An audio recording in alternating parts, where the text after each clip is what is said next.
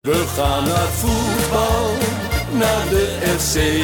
En dan is het eh, is Jan van Dijk die wedstrijd clubteam, beslist. Ja, fantastisch natuurlijk. Is tegen Ajax of bij een oor. Roestak en het is 2-0. Juichen wij als FC Roestak met zijn tweede.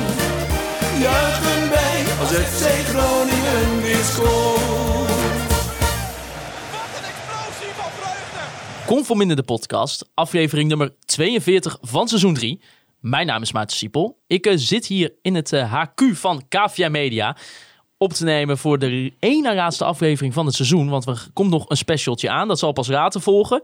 Ik ben natuurlijk niet alleen, ik ben met eh, Wouter Rolsappel Goedendag. en Thijs Faber. Ja, mooi. Ja jongens, het eh, seizoen zit erop. FC Groningen eindigt op de zevende plek in de Eredivisie. 50 punten uit 34 wedstrijden. 40 doelpunten voor, 37 tegen. Het bereikt hiermee eh, de play-offs, maar helaas, eh, we gaan nog niet samen naar de grote markt. Want FC Groningen verloor uit bij FC Utrecht met eh, 1-0 door een doelpunt van Simon Gustafsson. Bij FC Utrecht speelde Santiago niet in de basis. Voor hem eh, speelde Mark van der Marel. En bij FC Groningen kreeg Alessio de Cruz wederom de voorkeur boven Jurgen Strand Larsen. Thijs, allereerst jouw reactie. Het is niet gelukt helaas. Nee, nee. Ja, weet je wat is? Ehm, ik denk als je het verloop van de wedstrijd ziet. Ja, ik hoorde wel mensen die het gevoel hadden zeg maar, dat Groningen hier meer uit had kunnen halen. Ik heb eigenlijk nooit het gevoel gehad dat... Ik had gehoopt op 0-0 verlenging. En dan... Ik heb nooit echt het gevoel gehad dat we echt in de buurt van een goal zijn geweest. En hoe, kom, hoe kwam dat? Ja, weet je, mi- misschien eh, was dit het maximale wat je eh, kon verwachten. Utrecht, betere ploeg, gewoon op papier. En eh, ik, ik- ja, Groningen, vrij behouden instelling vooraf. Eh, ja, organisatorisch weinig op aan te merken, weinig weggegeven, maar ja, ook heel weinig gecreëerd. En ik, ik denk dat deze wedstrijd precies opzomde ja, wat voor zijn seizoen het was. En laten we wel zijn, daar zijn mooie dingen mee bereikt, zevende plek. En eh, ja, ik, eh, ik had het al snel verwerkt, zeg maar. Het was, natuurlijk was het geweldig geweest om die play-offs te winnen. Maar ja, ik, ik, heb persoonlijk, hè, dat is mijn gevoel. En het kan best dat het anders was. Misschien, ik heb nooit het gevoel gehad dat het erin heeft gezeten in die wedstrijd. Had jij dat gevoel ook, Hols? Nou ja, eh, in eerste instantie deel ik het gevoel van Thijs dat zeg maar, qua, qua eh, spelbeeld eh, dat dat zo is. Maar daarmee kom je meteen op een ander punt, namelijk dat een play-off wedstrijd, een wedstrijd zeg maar do or die, dat heeft een hele andere vibe dan een, gewoon een competitiewedstrijd. Kijk, in een, in een competitie dan had je hiervan gezegd, als je 0-0 speelt, ben je blij en ga je blij naar huis. Nou, dat had in, in dit geval bij, in play-off stijl had dat ook gekund. Als die bal van dat prachtige doelpunt van eh Gustafsson niet valt en je houdt het nog even vol en je gaat eh, de verlenging in. Ja, weet je, dan, eh, we hebben het gezien al de afgelopen dagen in het eh, play-off voetbal om promotie-degradatie. Dan kunnen er hele gekke dingen gebeuren. En ik denk dat zo'n scenario, daar had je nog op kunnen hopen. Speltechnisch gezien had je niet heel veel te vertellen in Utrecht. Het was niet per se dat het... Ja, we werden niet weggespeeld. Nee, zo. het was niet heel slecht of zo. Het was niet zo dat je zegt van oh, schande of zo. Nee, gewoon, je zag gewoon de verhoudingen waren zoals ze, zoals ze waren. Utrecht, de betere ploeg. Groningen probeert eh, in, eh, als reactie eh, af en toe een paar prikjes uit te delen. Lukte ook niet echt. Maar ja, als het 0-0 blijft tot de laatste minuut, dan...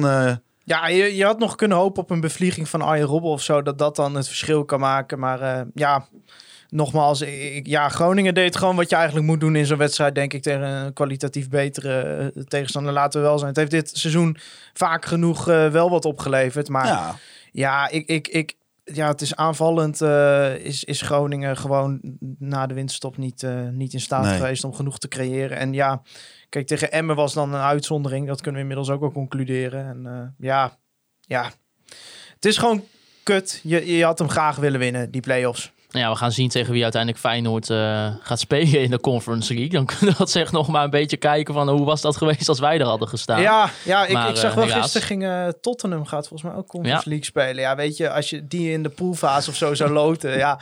ja, weet je, bij ons is het altijd als de play-offs in de buurt komen, dan zitten wij de, de reis al te boeken, zeg maar. Ja. De- dus ja, ja, ik denk dat, eh, ja, wie zou ook loten dat wij denken van, ah, kut, hadden wij ook graag willen zijn. Maar goed, ja, maar we kunnen alle clichés er wel weer uitgooien. Hè? Want ik bedoel, zo'n bal op de paal van Robben. Ja. ja, het is gewoon pech. Nou, niet pech, want eh, pech is het als je 100 kans creëert en ze Je- gaan er allemaal niet in. Nee, maar je hebt verdiend verloren, maar met een beetje geluk had het anders kunnen zijn. ja, en de Het was- kopkans van, eh van Mike Twierik ik vond het best wel nog, een eh, 0-0 Ja. wedstrijd eigenlijk. Ja. En ja, eh, Utrecht eh, schiet dan per ongeluk een bal erin. Ja, Wat een goal was Ja, dat. goeie Ja, Jeetje, en ook met, met die reactie van het publiek erbij. Ja, heel eerlijk, dat, was- dat was wel mooi om te zien hoor. ja. Sowieso eh, de afgelopen tijd met eh, die play-off wedstrijden weer met publiek.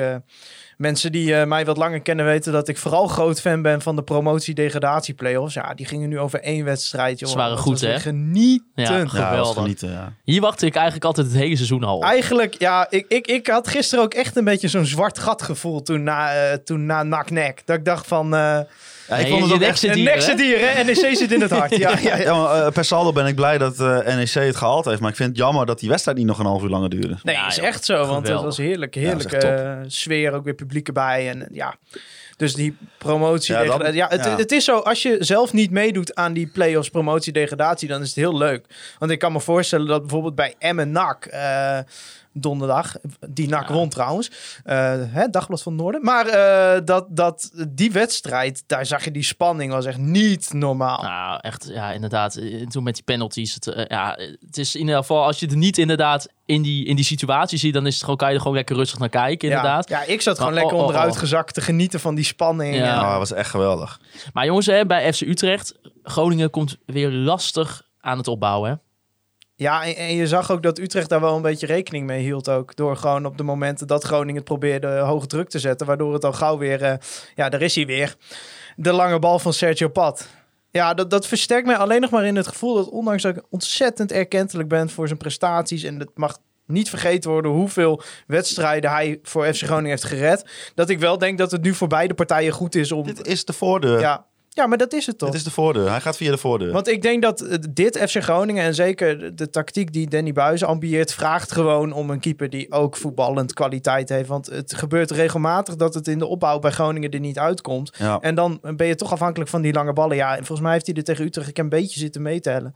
Ja, zes of zeven de tribune ingeschoten. Ja, dat is gewoon niet best. Nee. Nou ja, Da Cruz speelt in plaats van Strand Larsen. Ja, Ja, Ja, nou ja. Had je misschien dan wel meer aan Jurgen Strand Larsen gehad, hè? Nou ja, als, je, als deze de- situatie is zo volgens mij zijn dus de- de hopeloos spie- uit vorm, De, spier, de spieren van Strand Larsen zijn volgens mij gewoon trek erop momenteel. ja maar Ja. dit, Dat, is, dat is de, de, die- hoe hij, eh, eh, maar als hij een sprintje trekt. Kijk, ik bedoel, ik ben geen fysioloog, maar dat, zit, dat ziet er niet, geen 100% uit, ziet er niet 100% uit. Ja, en, Nee. en Da Cruz die speelde natuurlijk een hele, hele, hele matige wedstrijd. Ja. En ook eh, met Hoe matig, Thijs? Ja, ontzettend matig. Maar met heel, heel naïef balverlies. En, en ja, dat, dat is wat ik bedoel met dat ik er al wel vrij snel gelaten over. Tuurlijk, ik was eh, wel teleurgesteld. Nou, we zullen het straks over het opwachten van die spelersbus daarna hebben. Toen was voor mij, eh, was ik het alweer vergeten, omdat ik dat gewoon heel tof vond. Ja, daarna had je een beetje het gevoel van euforie, weer supporters bij elkaar. Dus het was wel vrij snel weg. Maar na die wedstrijd was ik een beetje chagrijnig over. Maar het, ja, het was snel gelatenheid. En Jurgen Strand Larsen had ook trouwens ook nog een kans op het eind. Hè? Die, eh, die bal die die trouwens wel heel goed aanneemt. Ja, Ja, goed, daar, daar zie je toch in één actie wat je met, zo, met die jongen aan moet. Ja, niet? Ja, maar eh, komt volgens mij niet voor zijn favoriete been uit, eh, nee, dacht maar ik. En ja, dan, ik denk wel gewoon dat de Strand. Larsen, die toen op een gegeven moment enorm in vorm was. En ook heel fit. Dat die Strand Larsen hem had gemaakt, die kans. Ja, maar Ja. als je deze actie ziet van hem, dan ga je toch meteen stoppen met al die eh, hem als kapstokspits gebruiken, of niet? Of Ja, daar ben ik sowieso wel fan van. via de lucht. Maar het probleem is dat dat via de lucht, dat is een beetje uit nood geboren. Omdat Groningen Ja. het in de opbouw niet voor elkaar krijgt. En omdat eh, ja, de uittrappen van Sergio Pat niet goed genoeg zijn om eh, een andere optie dan gewoon maar naar voren rammen. Ja. Dus ja, en hij wint procentueel nog best wel veel van zijn ja, hij kopduels, weet wel, komt wel eens, ja. We kregen een luisteraarsvraag van eh, Arjan Tagens. Die vroeg, de eerste helft tegen Utrecht was toch exemplarisch voor hoeveel wedstrijden onder buis verlopen. Terug, terug, terug. We zijn koploper in het aantal terugspeelballen. Wedstrijden zijn op een paar uitzonderingen na slaapverwekkend. Vergoeden punten echt alles? Ja, ik, vind dat een. eh, we hebben het hier al vaker over gehad. FC Groningen heeft natuurlijk. eh, kijk, de Utrecht, Vitesse, AZ. Dat zijn niet clubs waar wij zomaar de concurrentie nog mee kunnen aangaan, budgetair gezien. Eh, wij moeten de concurrentie aangaan met, met Heerenveen, met PEC, eh, met Fortuna, met eh, Twente, met Herakles. Willem II, met Heracles. Dat is een beetje ons... Ja, die zijn we dit seizoen allemaal voorgebleven. En Utrecht hebben we tot de laatste dag eh, nog in de nek geheigd op puntenaantal. Dus ja, dan, dan denk ik dat je prima gepresteerd hebt. En ja, Ja, je- amusementswaarde is ook belangrijk, hè. Maar ik vind wel dat je met Danny Buis als trainer gewoon een aantal basis een basisniveau hebt. Waar je gewoon op een heel seizoen op kan bouwen. Met een paar negatieve uitschieters, denk ik wel. Eh, we zullen straks nog wat meer naar het seizoen kijken. Maar ik noem een RKC uit. Ik noem een Twente uit. Ik noem een Twente thuis eerste helft. Een ADO uit tweede helft. Ja, dat zijn negatieve uitschieters. Ja. ja, en uiteindelijk ben je gewoon de best of the rest. Zoals Nou ja, Danny ik, ik denk Ja, zelfs dat Groningen, eh, Groningen op dit moment in een eh, niemandsland eh, staat. Want het gat naar onderen is vrij groot. En het gat naar boven ook. Ja, maar het kan zometeen. eh, het kan volgend seizoen zomaar zijn dat. Ja, eh, der- dertiende. dat, dat, nou, kijk, zo ver wil ik niet gaan. eh, maar het kan zomaar zijn dat dan zeg maar een, een, een, een Twente bijvoorbeeld Ja. nu wel een paar echt... Want ja, Twente gaat denk ik de komende jaren nog redelijk afhankelijk van huurlingen zijn. Ja, als ze daar een paar schoten in de roos hebben, dan, dan ja, gaan die zomaar de concurrentie met je aan. En je ziet het bij een ploeg als Willem II. Weet je Ja. wel, die vorig seizoen Ja, maar eh, de- geweldige kijk, zo hard zie ik ons niet vallen. Omdat Nee. ik dus zeg, er is een basisniveau. En in die zin ben ik het ook wel enigszins met jou eens, Hols.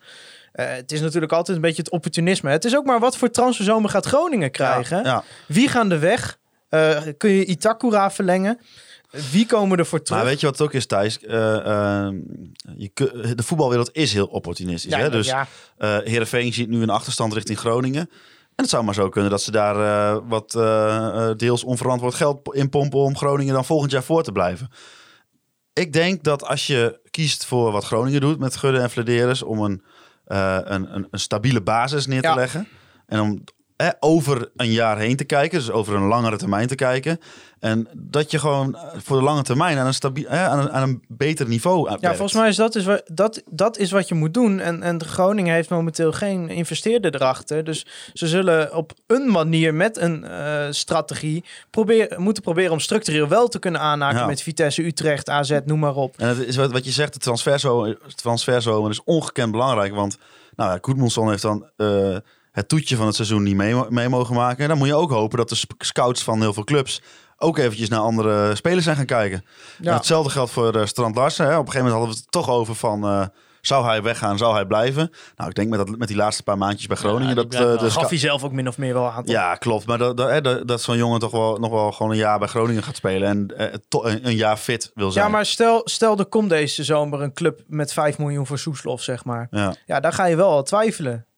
Ja, dan ga je hem verkopen. nou, dan ga je hem verkopen. Ja, Ja. want hij zal zelf willen en Groningen zal zelf ook iets hebben van ja, als hij volgend seizoen ineens minder is, dan kun je er nooit meer 5 miljoen voor krijgen. Nee, want Hugo van Leeuwen die had ook een vraag bijvoorbeeld over Goedmondson. Hè? Zal, zal Goedmondson nog vertrekken nu hij voor de zoveelste keer geblesseerd Ja, is? ik, Ja, ik, ik, ik denk dat. eh, Zeg, ik, ik weet Matusiwa, eh, denk ik wel 100%, 100% zeker. Niet op basis van inside info, maar gewoon nee, ge- 100% gevoel, zeg maar. Ja. Ik denk dat Matusiwa eh, een stap gaat maken. Ik denk dat we Goedmanson, eh die is in een korte periode op, bij zoveel clubs op de radar gekomen. Ik denk niet dat hij nog te houden is. Nee, en zijn contract loopt natuurlijk Ja, ook volgens dus seizoen af. Club ook heeft, wel wel, moeten- Club heeft volgens mij nog wel een optie voor een jaar extra. ja, maar, maar, hij zal zelf niet heel happig op verlengen dat zijn. denk ik ook niet. Dus eh, ja, ik zit ook even na te denken. Ik, ehm, ja, ik, ik denk niet dat Ko blijft. De, de, de poging wordt natuurlijk gedaan. Ja. Dat zei Mark-Jan Verderes ook in de Q&A. Dat ze, dat ze, hij zat er nog even over te grappen volgens mij met, met Ko. Van dat hij wel blijft. Maar ik ja, denk dus niet. Danny zei dat ze hem op hadden ges- Danny Buis, het, eh, eh, achternamen. Achternamen. Nee, de- ik, kreeg daar, ik kreeg daar kritiek op. Want iemand zei van ja, er luisteren toch alleen maar FC Groningen spelers. Die weten wel als jullie het over A met Alleen maar FC Ko. Groningen spelers. Of, Nee, eh, nee, supporters. nee, want het luisteren ook mensen misschien voor het eerst of mensen die niet eh voor FC Ah, dat vind ik echt onzin. Ja, je weet en het je zijn ook niet bij de onze vrienden of zo, Dat maakt toch? toch niet uit? Zullen we dan doen dat, dat, dat, dat ik gewoon Danny zeg? Ja, en dan zeg ik gewoon elke keer Danny Buis. En dan in, de, jullie, dan stuur ik het bestand naar jou toe. En dan zet jij er elke keer Mensen, Buis achter. mensen laten nog even weten wat jullie ervan vinden. Ik vind Ja, het echt, ik ook. echt Dit- complete onzin. Laten we dat hier een democratisch proces achter. eh, achter maar, maar, ja, dat, Maar goed, ja, Danny. Buis zei in ieder geval dat ze hem wel wilden vastbinden in, in, in, gaat het, niet eh, lukken. in het washok. Ik denk dat er veel niet. waar. Ik denk kansloos.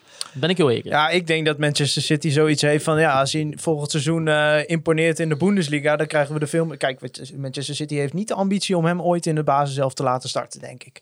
In, eh, die, die, Nee, ik, heb jij, Ik- ik eh, denk Pep, niet dat ze- Pep heeft nog niet op de tribune Nee, gezeten. nee, ik denk niet dat ze daar het gevoel hebben dat Ko Itakura... Guardiola trouwens. Dat, eh dat Ko Itakura eh, Manchester City 1 gaat halen. Dus die willen dat die waarde gaat vertegenwoordigen... waarna ze met meer winst dan ze hem gehaald hebben kunnen verkopen. Want eh, zo werkt de City Football Group.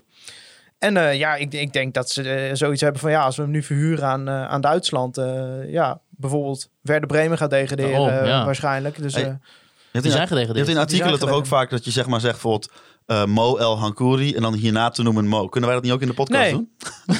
We noemen die jongen gewoon bij zijn Laat het achternaam. weten. Hey Thijs, jij had het ook al eh, zo net over een eh, externe investeerder eventueel. Kwam Gerard Posma met de vraag die zegt... met NEC heeft de Eredivisie een club die een gooi kan doen naar de subtop... dankzij de hulp van Boekhoorn. Nou, dat moet ik nog wel even zien. Moet de FC eens serieus gaan nadenken over een externe investeerder... binnen nu en, een- en vijf jaar? het- Nou ja, kijk. om mee te kunnen blijven Weet je wat het hiermee is? Met, met de- de- deze vraag denk je wel eens vaker over na. En het, ik heb gewoon te weinig verstand, geef ik gewoon eerlijk toe, van wat het betekent, welke constructies er mogelijk zijn. Voor mij staat gewoon voorop. Ik ga me niet uitspreken, want ik, ik weet het oprecht niet of we het wel of niet moeten willen. Maar als er iemand.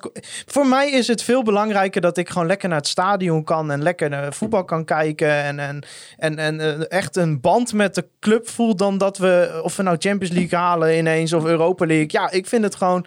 Voor mij is het belangrijkst dat de ervaring van naar FC Groningen gaan. Dat dat niet verandert. Dat je niet, eh, zoals je bij ADO nu hebt, heb je een aantal mensen die voelen zich ja, toch wel ver van de club. Omdat ze er op het bestuurlijke niveau een potje van maken. club wordt gewoon langzamerhand kapot En je hebt nu eindelijk rust binnen de club eh, op bestuurlijk niveau. Laten we wel zijn, dat hebben we jarenlang niet gehad.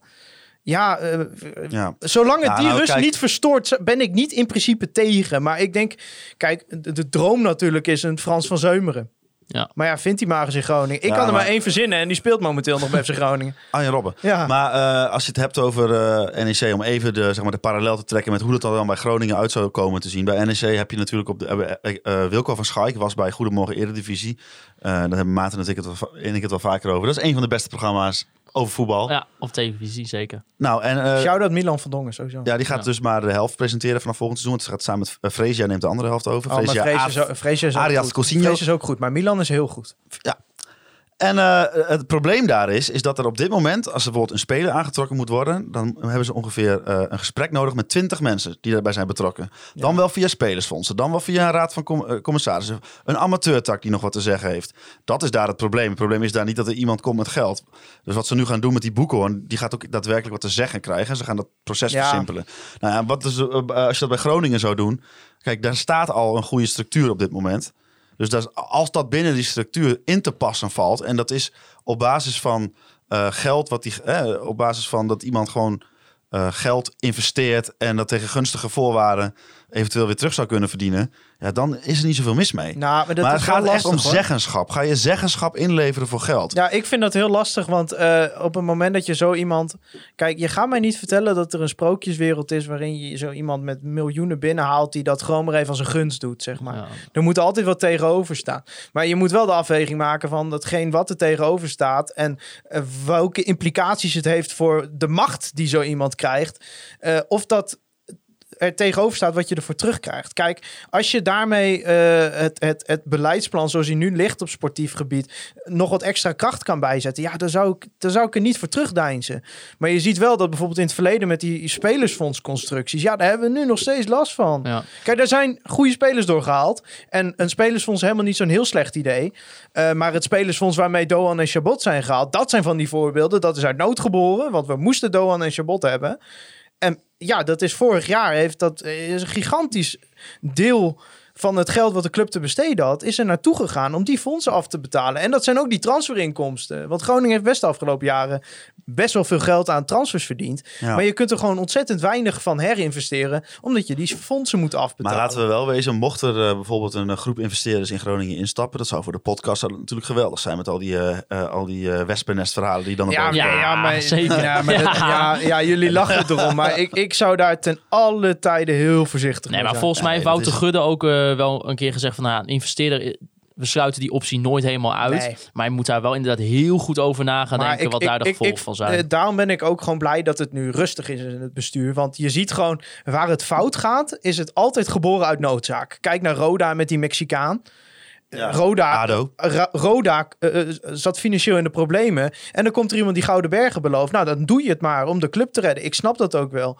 Maar kijk, voor FC Groningen zie ik wel iets voor me... dat er op basis van het beleidsplan een investeerder achterkomt... die eh, in de luwte dat een beetje aanwakkert, zeg maar. Kan Robben niet gewoon zeg maar eh, de, de, Euroborg kopen en aan Groningen geven? Ja, maar kijk, eh, even als we de vergelijking trekken met FC Emmen bijvoorbeeld. Hè, die Ronald Lubbers, eh, dat, is, dat is echt een, een, een clubicoon. En ik snap ook best, want hij heeft die club gered en groot gemaakt. En weet ik allemaal niet. Maar het probleem, als ik zeg maar kijk wat er bij Emmen mis is gegaan... is dat Ronald Lubbers ook het aankoopbeleid deed. En ja, hij betaalde het ook uit eigen zak, dus oké. maar er is daar eh, heel snel gekozen voor een enorme spelersbegroting. En niet om te bouwen aan een bredere organisatie. want Ze hadden geen technisch directeur. Ze hadden geen echt professionele scoutingsafdeling. Ja, dan is zeg maar nu valt de club weer. En dan is het ineens weer heel lastig. Want ja, dan ben je helemaal afhankelijk van Ronald Lubbers. En gelukkig voor Emmen is dat een clubicoon. En heeft hij zelf gezegd dat hij doorgaat. Maar Als hij stopt, ben je klaar. Ja, dat, dat is het wel. Ja. En, en eh, Ronald Lubbers heeft een paar goede spelers gehad. Maar hij heeft er ook een hele trein aan spelers gehad. Die hartstikke veel geld kosten. En die uiteindelijk alleen maar resulteren in degradatie. Dus. eh, en en ik, ik snap best dat Ronald Lubbers een heel warm hart toegedragen wordt. Maar als objectief, als je daar naar kijkt, is het wel gewoon eh, ja, een mislukt project geweest dit seizoen natuurlijk voor Emmen. Oh Want, ja? want er is echt wel heel veel geld ingestoken dit seizoen. En ja, ze, tweede Ja. seizoen zelf hebben ze goed gedaan. Maar het is toch ook wel een beetje het risico wat je misschien moet nemen als je je tweede jaar in de Ja, Eredivisie... oké, maar eh, ze hadden eigenlijk, als je erop terugkrijgt, denk ik, eerder moeten gaan bouwen. Eh, Kijk, Lubbers, die, die, dat had Nijland ook, hè? Dus die voelen zich enorm verantwoordelijk. Het zijn grote supporters van de club, dus die trekken dat ook alles zichzelf aan. Ja. Terwijl een Ronald Lubbers, met alle respect, is natuurlijk geen technisch directeur. Daar moet je iemand voor hebben. En Lubbers met het geld erachter, dat, dat had best kunnen werken.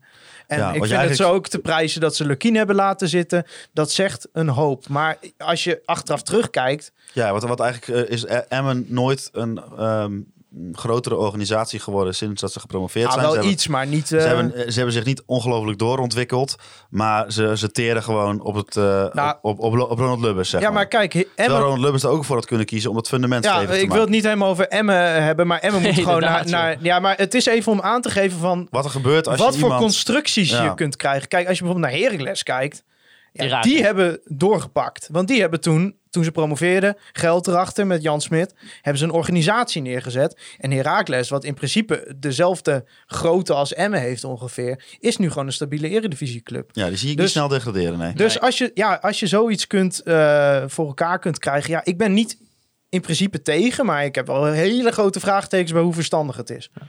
We gaan even een eh, seizoensoverzicht doen eh, natuurlijk. Ja, allereerst even jongens, eh, hoe hebben jullie dit seizoen eigenlijk ervaren? Buiten natuurlijk dat het prachtig is, zevende plek, helemaal goed. Maar we hebben niks live kunnen zien. Tenminste, behalve eh, wij alle drie denk ik een oefenwedstrijd tegen Arminia Bielefeld. En Ehm, eh, tegen Zwolle en tegen Heracles. Ik hou, Ben ik hou- ook hou niet van om jouw, eh, jouw eh, volgorde te veranderen, Maarten. Maar eh, is het niet een idee om nog eventjes... Want jullie waren nog bij die aankomst van die spelersbus. Ja, oh, natuurlijk. Ik vergeet dat helemaal dus misschien inderdaad. voordat we een heel seizoen gaan terugblikken... Ja, dat nee, nog wel want Kevin Koets inderdaad... nou, maar eigenlijk was dat de afsluiting van een seizoen. Dus ja, Ja, oké, ja. maar... Nee, maar Kevin Koets vroeg inderdaad van, waren jullie daarbij? Eh, ja, ja Thijs en ik erbij. waren daar inderdaad eh, bij. Eh Hols niet, die, eh, ja, die was een beetje moe of zo. Oh man, dat is helemaal kapot. ja, ongelooflijk. Hoe heb jij dat ervaren, Thijs? Ja, kipvel. Was mooi, hè? Gewoon, nou, die oproep kwam vanuit, eh vanuit Noordtribune kwam dat volgens mij, eh, die oproep. En ik kreeg het ook op WhatsApp eh, doorgestuurd. En ik dacht van, oh, nou, ik denk dat dat best wel wat mensen gaan komen. Hè? Ik had wel wat mensen verwacht. En wij komen daar aan fietsen. Wij waren redelijk aan de tijd nog. Ja, die hele parkeerplaats staat vol. En toen dacht ik echt wel van, oh ja, dit, dit, zo groot is deze club. En ja, de sfeer was gewoon echt, echt bizar met vuurwerk. En, en die bus kwam aan. En, terwijl, ja, we hadden verloren natuurlijk. Maar ja, dat, dat zegt gewoon de betrokkenheid bij die club. En eh, ja, ik vond eh, alle speeches vond ik treffend. Ja. Ik vond dat Danny Buis een hele mooie speech gaf. Ik vond dat de woordvoerder eh, van de supporters, zeg maar, wat hij over Robben zei, dat vond ik heel tof.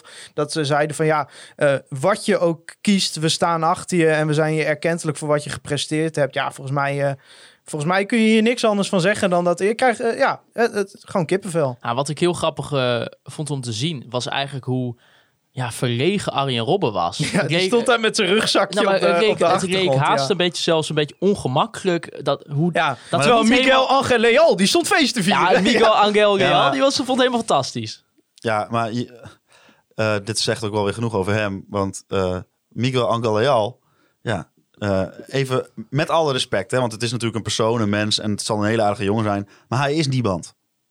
Hij is gewoon een rechtsbackje van FC Groningen wat die mislukt is. Arjen Wel Robben In de, in de voetballerij in de voetballerij. niemand. Laten we het zo Ja, nee, maar hij heeft niks ten nadele van hem verder, want hij, is- hij, ik gun hem het allerbeste verder. Ik- Nou, en hij vierde gewoon feest alsof hij al twintig jaar bij deze club Ja, speelt. En nou. toen kreeg ik wel weer respect voor hem. voor, voor die drie keer dat hij... Die, voor die, Ik dat- heb zelfs tegen Maarten geroepen, die moet gewoon nog een jaar hier die spelen. vaker zijn man laten lopen dan een goede paas geven. Maar eh, Arjen Robben is natuurlijk gewoon eh, alles heeft hij meegemaakt.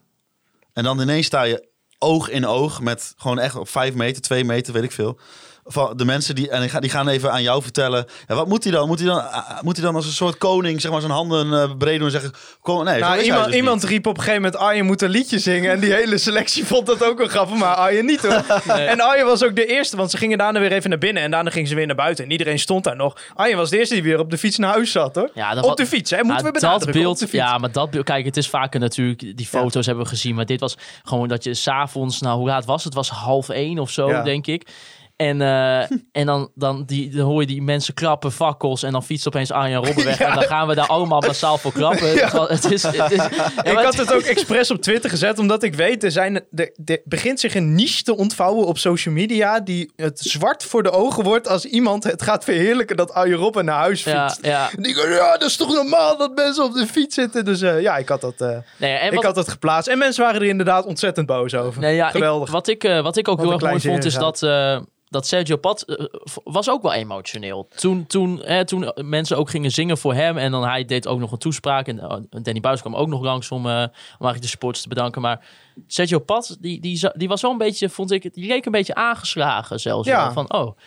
En, en voor hem komt natuurlijk inderdaad na zeven jaar periode bij FC Groningen een einde. En nou ja, iedereen had gewild dat we, dat we dat mooi nog in het Ja, stadion konden maar doen. ik besefte ook, we hadden toen met Jurgen Strand Larsen erover, toen wij die podcast opnamen. Hij heeft natuurlijk supporters nog niet echt gezien. Nee, dit was het eerste moment. Ja. En hij heeft op social media, krijgt hij wel mee hoe groot deze club is. Maar op een gegeven moment komt die bus de rotonde om. En die zien gewoon, want ik heb die beelden vanuit de bus gezien. Die zien gewoon een soort vuurbal rondom eh, dat, dat trainingscomplex. Van al die mensen die ze stonden op te wachten. Terwijl, ja, die spelers zullen wel gedacht, ja, we hebben verloren, we weten het niet. Maar ja, weet je, gewoon geweldig initiatief om het te organiseren. En ja, het was gewoon echt een, echt een topavond. Ja. Ja, ik heb wel, eh, vind het wel jammer dat ik er niet bij was. Nou, dat is oprecht zo, want het was echt... eh, ik, ik weet nog wel, wij zaten ook op de fiets. Je had echt weer een beetje dat gevoel wat je ook hebt na een lekkere away day of zo, weet je wel? Met, eh, met een lekker fanatiek uitvak. Dat gevoel had je een beetje. Ja, jongens, ik, eh, ik zei het ze net ook al, maar toen zei Wouter terecht van, hè, we moeten nog even over dat moment na die wedstrijd tegen Utrecht. Maar hoe hebben jullie nou naar dit seizoen gekeken? Eigenlijk zeggen we denk ik allemaal over de resultaten gewoon. Misschien het beste. Nou, niet in het stadion. Nee, maar niet in het stadion. Maar ik denk dat eh, wij hebben natuurlijk heel vaak nog eh, de luxe gehad dat we in onze st- tijdelijke studio aan het gedempte Zuidriep nummer Ja, 61 onze- met elkaar een wedstrijd konden kijken. Ja, wij hebben in principe Dat- bijna alles in een kroeg gekeken Dat, dat vergoeilijkte misschien nog Ja. enigszins wat, maar je gaat toch, ja, je moet wel meer naar het spel gaan kijken. Dus eh, Ja, en dat is nou niet het allerleukste aan eh, FC Groningen. nee, dus er zijn wel eens eh, mensen die zeggen van het is allemaal zo negatief. Maar ja, je hebt ook geen andere keuze dan 90 minuten lang kijken naar wat er gebeurt op dat veld. Ja, maar dat, ja, zo, zo voel ik het echt. En, en Thijs had helemaal gesloopt hè, na een wedstrijd. ja, maar Jij kan echt niet naar een tv kijken. Naar FC Groningen. Nee, ja, kijk, weet je, na zo'n wedstrijddag ben je meestal gesloopt omdat je net iets te veel alcohol en iets te weinig water en iets te veel energie bent kwijtgeraakt. En Iets te veel vet. Ja, ook nog wel eens. Zo'n zout patatje Ja. in, de, in de maag van de ben, ben ik normaal niet zo'n eter, Nee. maar, eh, maar eh, eh, ja, dan, dan, ja ik, ik ga me dan zo lopen ergeren. Terwijl in het stadion, dan ga je gewoon even met iemand een gesprek voeren op de tribune, weet je wel. Dus dat was wel... Maar eh, ja, ik vind het aan de ene kant ook schrijnend. Want ik heb wel echt, dat had ik ook na het opwachten van die spelersbus, dat ik denk, dit is wel echt een groep ja, ik heb mij in jaren niet zo kunnen identificeren met een groep spelers. Want eh, ja, oké, eh, tactiek, instelling, eh, zeg maar tactisch gezien, aanvallend, verdedigend, wat je er ook. Maar er is geen enkele wedstrijd waarin ik het gevoel heb gehad. Deze jongens hebben niet allemaal 120% gegeven om deze wedstrijd Nee, en te winnen. zelfs de jongens die misschien een niet zo goed seizoen hebben gedraaid, heb ik dat. Ja, maar Maar- dat, dat is het. Ik vind dat het laatste wat je deze groep spelers Ja. kunt verwijten. En, en, en ja, dat is gewoon wat je wil zien. En, en je bent zevende geworden. We hebben met, nou, we zullen straks onze mooiste momenten eruit lichten. Maar we hebben een paar natuurlijk krankzinnige wedstrijden. Ondanks dat Groningen, kijk, de meeste wedstrijden worden 0-0, 1-0 of 1-1 of een 0-1, zeg maar. Maar ja, ik, ik, ik, eh, je gaat dit seizoen niet snel vergeten, denk ik. Ook omdat je dus ja, niet naar het stadion kon, maar...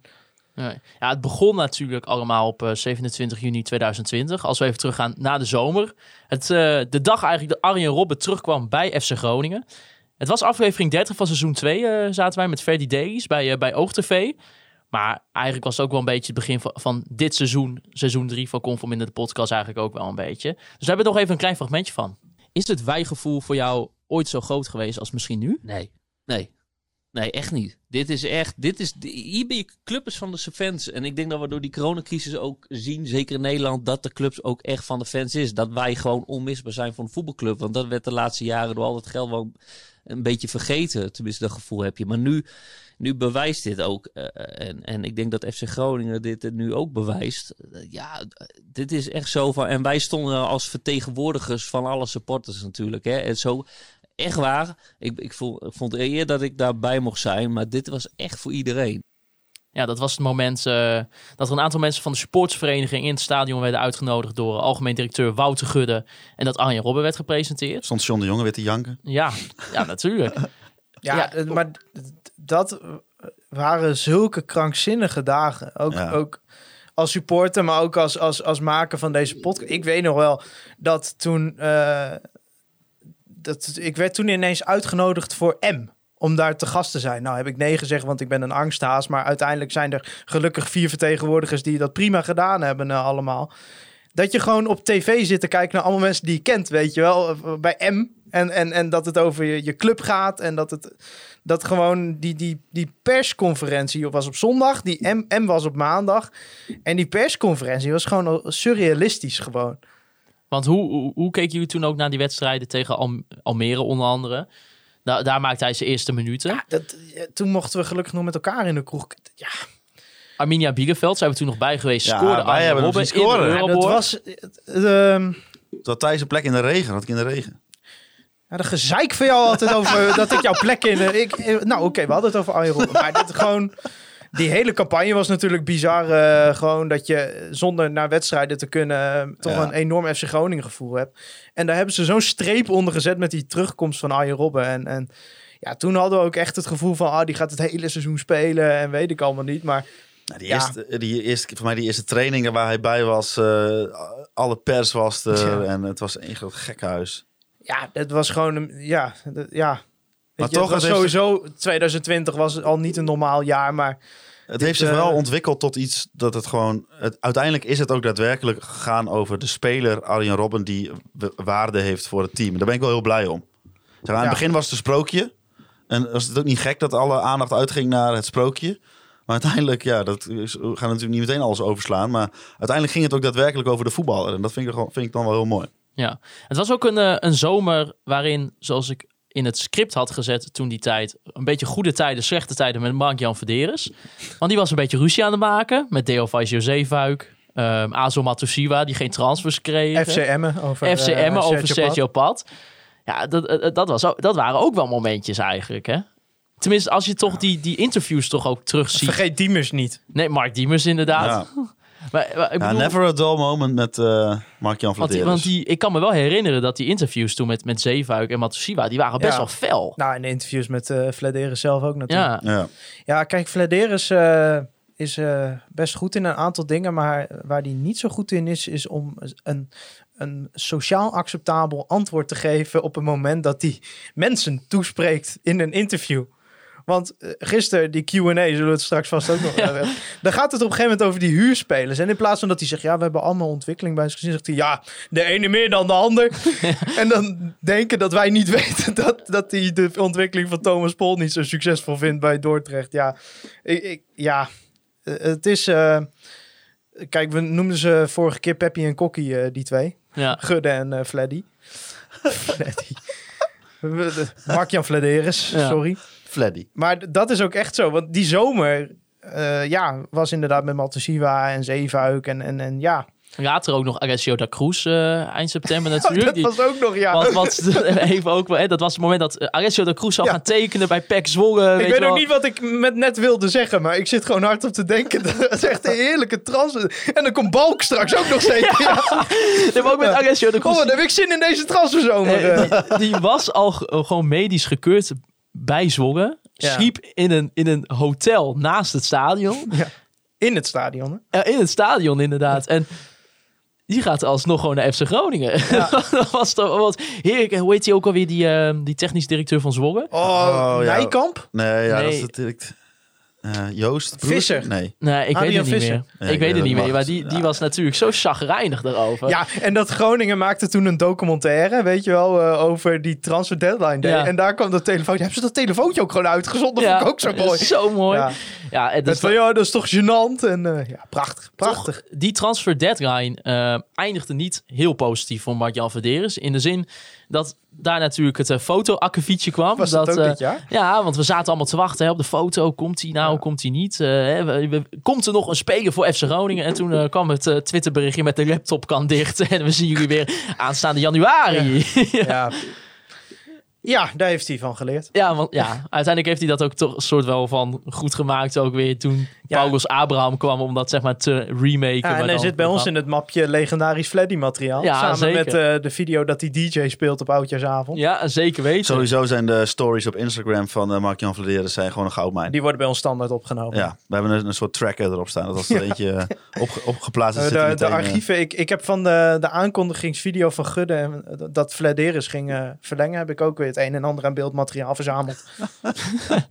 en dat was moeilijk, want het was niet hele hoge kwaliteit gefilmd. Nee, hè? Nee, de aardappels zijn duur. Ja, Nou ja, FC Groningen begint dat seizoen eh, in eerste instantie niet goed met een eh, 1-3 verlies eh, tegen PSV. Thomas Soeslof maakt daar wel eh, gelijk zijn eerste doelpunt eh, voor FC Groningen. En in, in dat script zag ik ook staan, Dammers en Dankerui vielen door de mand. Eigenlijk als je dus, en als je kijkt naar die eerste paar wedstrijden ook, dan zie je daar best wel patronen in terug die uiteindelijk zijn uitgekomen als, Soeslof scoort zijn eerste goal. eh, is denk ik ook een hele grote verrassing dit seizoen geweest. Ja. Damiel Dankerui en Wessel Dammers hadden mensen denk ik toch wat meer van verwacht. ja. Dus eh, ja, het heeft wel een beetje de toon gezet al toen van dat seizoen al met dat, met dat verlies tegen PSV. ja, nee zeker. Maar dat was ook een beetje een rare wedstrijd, omdat we toen eigenlijk geen aanvallers hadden. Toen hadden we nog Moel en Kouriton, die nog niet de beste speler van FC Groningen was. Nee, En eh Jurgen Strand Larsen, die had toen twee dagen getraind, geloof ik. Dus ja, dat was sowieso een beetje een rare wedstrijd. nee en uiteindelijk eh, eh, in oktober dan de ene overwinning tegen Ajax met het doelpunt van Remco Balk. Ja, dat, daar, begon, daar toch- begon een heerlijke periode. Dat was een heerlijke periode, want daarna speelde je Utrecht thuis 0-0. En daarna kwam, ja, het was ook een van mijn favoriete wedstrijden van het seizoen. Was het eh, Ja, de 1-3 overwinning uit tegen Fortuna Sittard. met, met, twee eh, doelpunten van Strandje. ja, Ja, dat- met eh, dat- Bart Roberto Carlos van Ja, Inter. dat, was echt, dat was echt een hele leuke wedstrijd. Omdat Groningen toen voor het eerst echt goed speelde. En omdat Strand Larsen toen meteen twee keer scoorde. Eh, je slaat Twente gewoon maar over. Twente uit, eh, zie ik. Ja, nou, Twente dat vind ik uit, wat, ja. Zullen we daar gewoon ADO uit. Wonnen we ook 1-0, ADO uit. maar door een eigen Ja, doelpunt van ja. Shaquille Ja, Pinas. we moeten ook niet alle wedstrijden be- bespreken. En dan zijn dit zeker de wedstrijden die je kunt overslaan. Volgens mij heb ik naar Twente geroepen dat wij op moesten pas voor degradatie. Dus eh, gaan we door. Ja, nou ja, en toen ook de wedstrijd daarna scoorde Patrick Joost ook zijn eerste doelpunt tegen VVV Venlo. Strand Larsen alweer. Dat was dan weer niet een, zeg maar, eh, een voor, voorteken. Ja, want eh, hiervoor heeft nog plaatsgevonden dat wij eh, met ons koffertje met spullen een keer vlak voor het seizoen door het Forum Groningen struinden om een plekje te vinden om op te nemen, want dat hadden we toen nog niet. En dat we toen het over een zekere spits hadden en dat eigenlijk jullie spitsensyndroom een beetje naar boven kwam. Heeft mij nog een gezang in een podcast. Ja, we hadden Kost. een weddenschap dat eh, Strand Larsen... jij dacht dat hij... ik zei, ah, die scoort makkelijk tien keer. Nou is dat uiteindelijk niet gelukt, nee, maar wel acht keer. Dat was de weddenschap. Ja, dus toen heb jij het Noors volkslied gezongen. Ja, Ja. Ja. En in die beginperiode kan ik me ook nog goed herinneren dat eh, toen de kanonskogel van Damiel Dankerui was, toen ook elke week wel een momentje van gesprek. Ja, is niet meer gebeurd. Want Nee, dat was ik- een van de voorspellingen dat Damiel Dankelui nog een keer van 40 meter een bal in het doel zou is schieten. niet gebeurd. Omdat hij elke wedstrijd wel zo'n moment had. Misschien ook omdat hij het halve seizoen op de bank heeft gezeten. Ja. Maar ja hij heeft niet meegewerkt. Nou, die hebben ze Nee. er wel even uitge, uitge- uitgeschreven van eh, dat ga je niet meer doen. Nee. nu, hè, op een gegeven Toch blijf ik, ik zei toen al, ik blijf het zeggen, ik vind het een verstandige keuze om zo'n bal richting doel te, jen- te jensen. Ja, ja, maar je- Hoe vaak krijg je wel geen tegengoal uit een, een dom balletje breed? Jenk die bal gewoon, eh, Jens die bal gewoon hupsakee naar de goal. Ja, en hij gaat er nog een keer in. Hij En gaat er nog dat een keer in en je hebt shine. nooit een Ja. counter tegen. Nooit. Nee. Want die, ik bedoel, de tegenstander moet eerst het stadion uit om, eh, om bij de brander en de stoker die bal vandaan te halen. Ja. Nou goed, dat is mijn theorie. Ja, en dan in november is eigenlijk ook ja, een beetje de periode van Ahmed El Messaoudi. Te beginnen met eh, de 1-0 overwinning tegen Willem II, Thuis. thuiswedstrijd. Ja, de magnetronmaaltijdwedstrijd hè, eigenlijk. Ja, Eh, dat was eh, voor mij wel een van de hoogtepunten, Dat- persoonlijke hoogtepunten. Dat eh, wij hadden dus een eh, weddenschap met Adrie Poldervaart. eh wij verwachten dat eh Ahmed Messoudi geen doelpunt ging maken voor FC Groningen. Maar hij kan niet of schieten. niet meer, want hij kon niet schieten. Nog steeds niet. Nee, en Adrie zei dan op de training dat hij wel kon schieten en dat geloofden wij niet. Dus eh, ik doe Adrie niet na deze keer. Nee, goed. Ik heb, jongen, ik zei vorige week, ik ben te boeken als Adrie Poldervaart imitator. Hele mailbox vol, hè? Ja? Feesten en partijen, ze willen hem allemaal hebben. De graafschap ook ineens een mailtje. Ja. Ja. ja, ja, kom maar langs, Ja. weet je wel. Ja. En, maar, en toen scoorde hij, toen deed hij natuurlijk die celebration hè, van, van het maaltijdje Ja, met dat- Adrie. ja. Ja. dat was natuurlijk helemaal goud. En het was voor hem ook het begin, want daarna scoort hij twee keer tegen AZ. Ja, sowieso. Krankzinnige een geweldige wedstrijd. Was dat de wedstrijd dat eh eh eh, Balk twee rode kaarten Ja. uitlokte?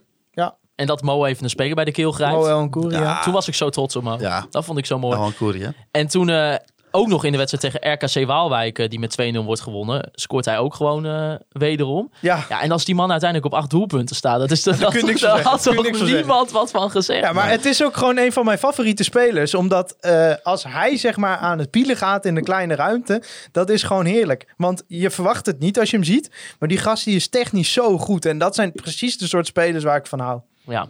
En een dieptepunt komt wel in, de, in december met eh, de KNVB-bekerwedstrijd uit tegen FCM. Ja. Ehm ja, verliezen we nog wel een doelpunt van Ramon Pascal Roentquist. Maar Anko Jansen scoort en... Ik Bel? het even niet meer. Ja, Bel volgens mij, ja. Ja. Met ook een fout van, eh van Sergio Pat eh, daar. Ja, ik weet, toen hadden we ook een hele zagrijnige Thijs Faber. Kan ik Ja, maar die kutbeker, jongen. Echt, wij, ja, ik, wij, FC Groningen, is zo slecht in de beker elk jaar. En maar ik snap dat niet. Waar komt dat nou vandaan? Echt, wij kunnen ongeslagen kampioen worden en dan toch door Telstar in de beker worden uitgeschakeld in de tweede ronde. Eh, wa- wat is dat? Ja, ik weet het niet. Waarom staat dat ook niet in het eh, beleidsplan?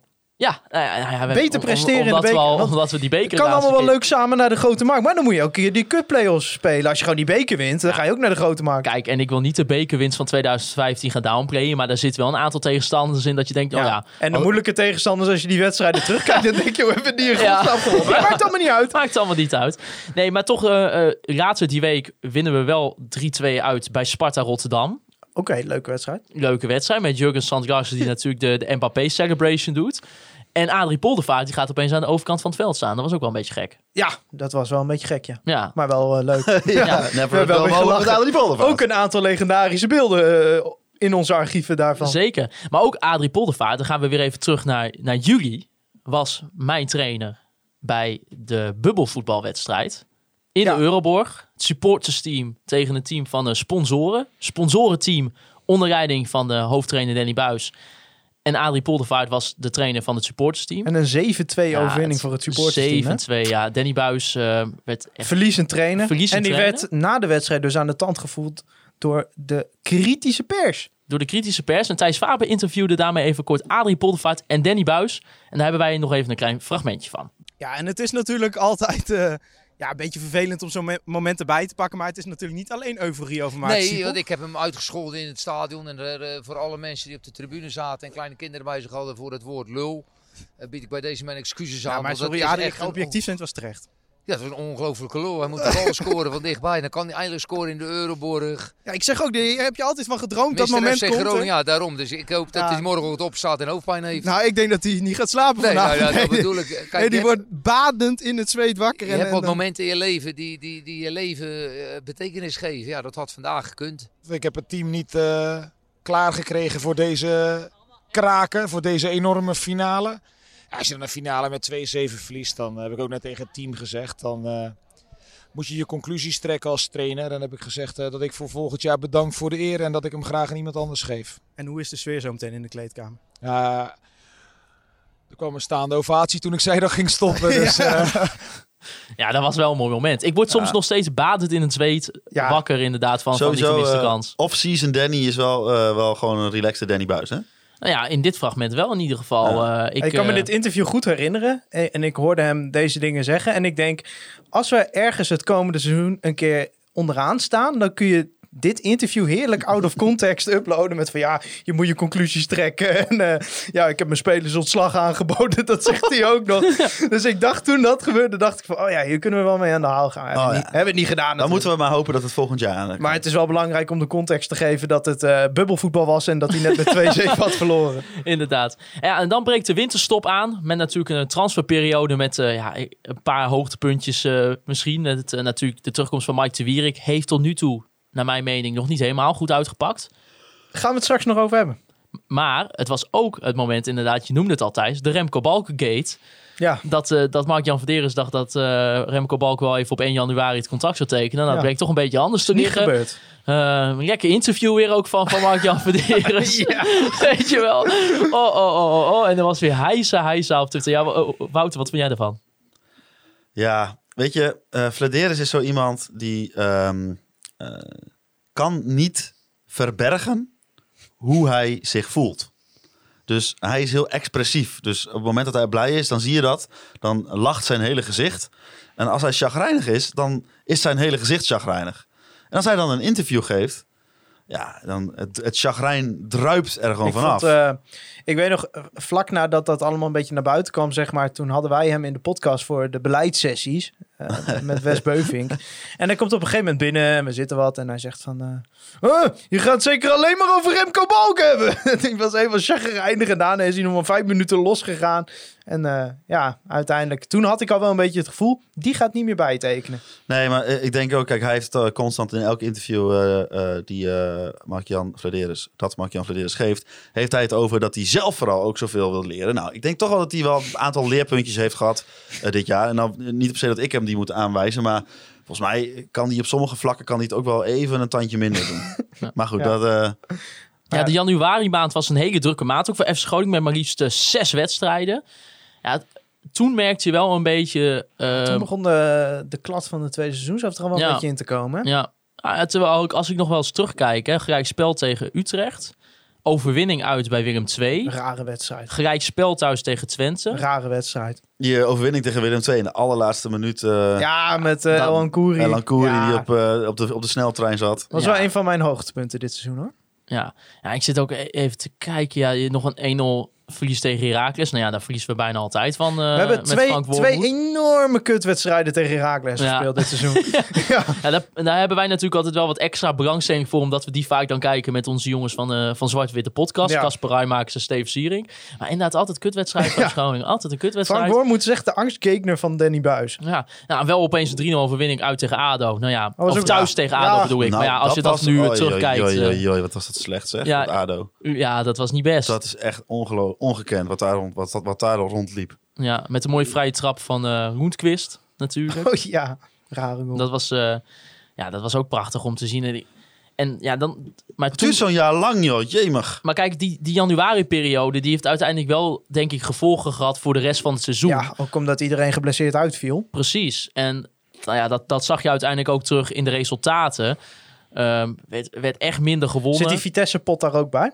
Die Vitesse pot, Vitesse eh, uit. Vitesse uit eh, verloren wij met 1-0 inderdaad. Jezus, we zijn we toen weggespeeld, hè? Ja, oh ja, ja, maar dat- 1-0 ja. verloren. Met, eh met Bazoer. eh, Ja. hè, dat- Ja. ja. ongelooflijk. Ja, En dat was de wedstrijd nadat we de podcast hadden met eh Vladeris en eh Westbeuving. Ja, klopt. Want En, toen zei eh, eh, Vladeris zei nog zoiets van... ja, we moeten maar even iets verzinnen met z'n allen hoe die bazoer... eh nou, Ja. dat is niet gelukt. Goed gelukt, Freddy. En ook Clean Sheet Piet kwam terug in de Eredivisie. Piet Ja, Veldhuizen. dat was ook nog gebeurd. die, die ging, er, nou ja, weet ik, na een kwartier af of zo. Ja, die 20 ging, die ging eerst net drie Ik minuten onder een bal door, waardoor Groningen ze bijna scoorde. En eh, daarna bij een uittrap was het eh, gedaan. Met Maar hij hield de nul. Ja, hij hield de nul. En Paulus Abraham scoorde daarmee zijn eerste doelpunt voor FC Groningen. Was eh, ja, met het moment bij FCM een beetje zijn enige hoogtepunt van dit seizoen. eh, Ja, eigenlijk helaas. Krijgt toch veel kritiek, maar zoals wij Ja. ook wel vaak hebben gezegd, die komt er wel, joh. hopelijk. Ja, Komt er wel. die, eh, ja, die heeft Jongen, ik heb weer tegen, eh, tegen eh, Utrecht... kwam die erin de tweede helft. Ja. Heb ik weer een actie aan de zijlijn gezien... waarbij hij weer even een glimp Ja, liet zien van de klasse die hij volgend jaar gaat kom etableren. maar goed, joh. Kom maar goed. Komt wel helemaal goed. Ja, en weet je, de rest van het seizoen kun, we, we kunnen gaan natuurlijk niet elke wedstrijd weer eh, nabeschouwen, weet Nee, ik wel wat. Maar het, niet, het, het, het was wel een beetje natuurlijk wel een mindere tweede seizoenshelft. En Ja, Johan, een understatement. Johan Schurer, oud-voorzitter volgens mij van de sportsvereniging, Klopt. die, eh, die vroeg, wat was het grootste probleem tussen de eerste helft van het seizoen en het tweede gedeelte? Ik kan mij niet voorstellen dat het alleen komt omdat het veel jonge gasten zijn. Wat heeft de technische leiding hierbij over het hoofd gezien? Aantal zaken. Eh, blessures. Dat zijn de nuances. Ik begin met de nuances. Blessures. Tegenstanders gingen zich meer op FC Groningen instellen. Eh, nou, ik, ja, het, het is inderdaad niet alleen de jonge gasten die wat grillig zijn, maar ja, er zijn niet heel veel spelers die de tweede seizoen zelf net zo goed waren als de eerste seizoen zelf. Eh, nou, met Matasiwa was je gewoon een sterkhouder kwijt eh, op het middenveld. Bijna, het, eh, bijna de hele tweede seizoen zelf kwijt geweest. Jurgen Strand Larsen kwam de klad in op een gegeven moment. Ja, en, en tactisch gezien eh, wist Groningen niet helemaal om te gaan met het opvangen van het ontbreken van Matasiwa, denk ik. Nee. Ja, het is ook iets wat Johan Haukes die zegt. Ja, zou het ook te maken kunnen hebben met een beetje de, de kleine selectie die we hadden? Ja, zeker. Ja, Zeker met die tuurlijk. blessures, Zeker, maar dat, is ook heel simpel in die zin dat eh, je staat hoog. Ehm, eh, ploegen gaan zich op jou, eh, in- meer op jou inrichten. En dan heb je ook nog eens een kleinere selectie. Dus er zijn ook, ook nog eens hè, de mogelijkheden die je hebt om dan nog iets anders te doen. Die heb je gewoon bijna niet. Ja. En kijk, ja, zo'n Matosiwa, dat is op verschillende manieren geprobeerd om dat op te lossen. En dan zie je maar dat, dat, dat, dat hij eh, Onvervangbaar was. onvervangbaar was. Kijk, ik ben, ik ben wel een beetje biased, eh, bevooroordeeld. Ik heb op sommige momenten Tom van der Looy gemist dit seizoen. Ja, nee, Omdat ik echt denk van, volgens mij was dit echt een goed seizoen geweest voor hem om toch Ja, te blijven. Dat en denk ik dus ook. Maar ja, kijk, in, deze, in dit team te hij, lacht zich dood in Brescia waarschijnlijk momenteel, want eh, hij heeft een geweldige stap gemaakt. Ja, Maar als, als we hem nu zeg maar verhuurd hadden naar Telstar dit seizoen, dan had ik gezegd, die had je beter kunnen houden. ja, en dat je dan in de winterstop misschien eh, eventjes terug moet Ja, halen. nee, eh, precies. Maar goed, ja, daar doe je niks meer aan. Nee, want nou ja, laten we zeggen dat eh, eh, eh, Van Kaam, Daniel Van Kaam, heeft een beetje een, vla- een, vlak, se- seizoen. een vlak seizoen gehad, zou ik willen zeggen. Maar dat komt ja, denk ik... Ja, vind ik wel. Ik vind wel als jij eh, vorig seizoen eh, alle wedstrijden hebt gespeeld nadat je er op een gegeven moment in kwam, eh, 90 minuten alles gespeeld. Nou, wel zijn eerste echte volledige seizoen, hè? Ja, oké, maar ik, ik, je hoopt dan wel stappen te zien van zo'n speler. En juist het, het type wat hij best wel in zich heeft, namelijk een speler die de opbouw kan verzorgen voor FC Groningen, dat misten we en dat heeft hij niet kunnen invullen. Dus ja, dan vind ik het wel teleurstellend. Nee, maar ik, ik denk dat ze dat ehm, eh, in de organisatie die Danny Buis eh, eh, al drie jaar bij Groningen neerzet, dat in de periode dat Matosiwa weg is, eh, wegging, dat toen ook een beetje het, het, het, het cement van het elftal wegviel. Want Van Kaam kreeg zoveel ruimte om, om, om eh, eh, in verdedigend opzicht om te belopen. Die kwam helemaal niet meer aan zijn voetballende taken toe. Nee, nee exact. En ehm, ik denk dat toen hij er weer naast kwam, dat Van Kaam ook weer wat meer lucht kreeg in zijn, in zijn, in zijn spel. Ja.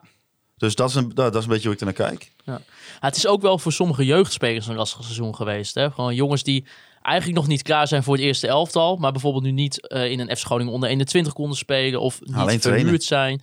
Ja, ik bedoel, kijk naar jongens als misschien... Ja, Joel van Kaam eh, heeft ook nog wel misschien een aantal... Ik denk ook wel... eh, pa- ja, hij had die Ja, periode met Feyenoord. Ja. Maar Ja. ook een beetje uit nood geboren toen, hè, omdat Ja. toen niet beschikbaar Maar was. kijk, voor jongens zoals hem of Kian Sloor, Thijs Dallinga, ehm Leonel Miguel uiteindelijk ook wel. Weet je, die hebben zich...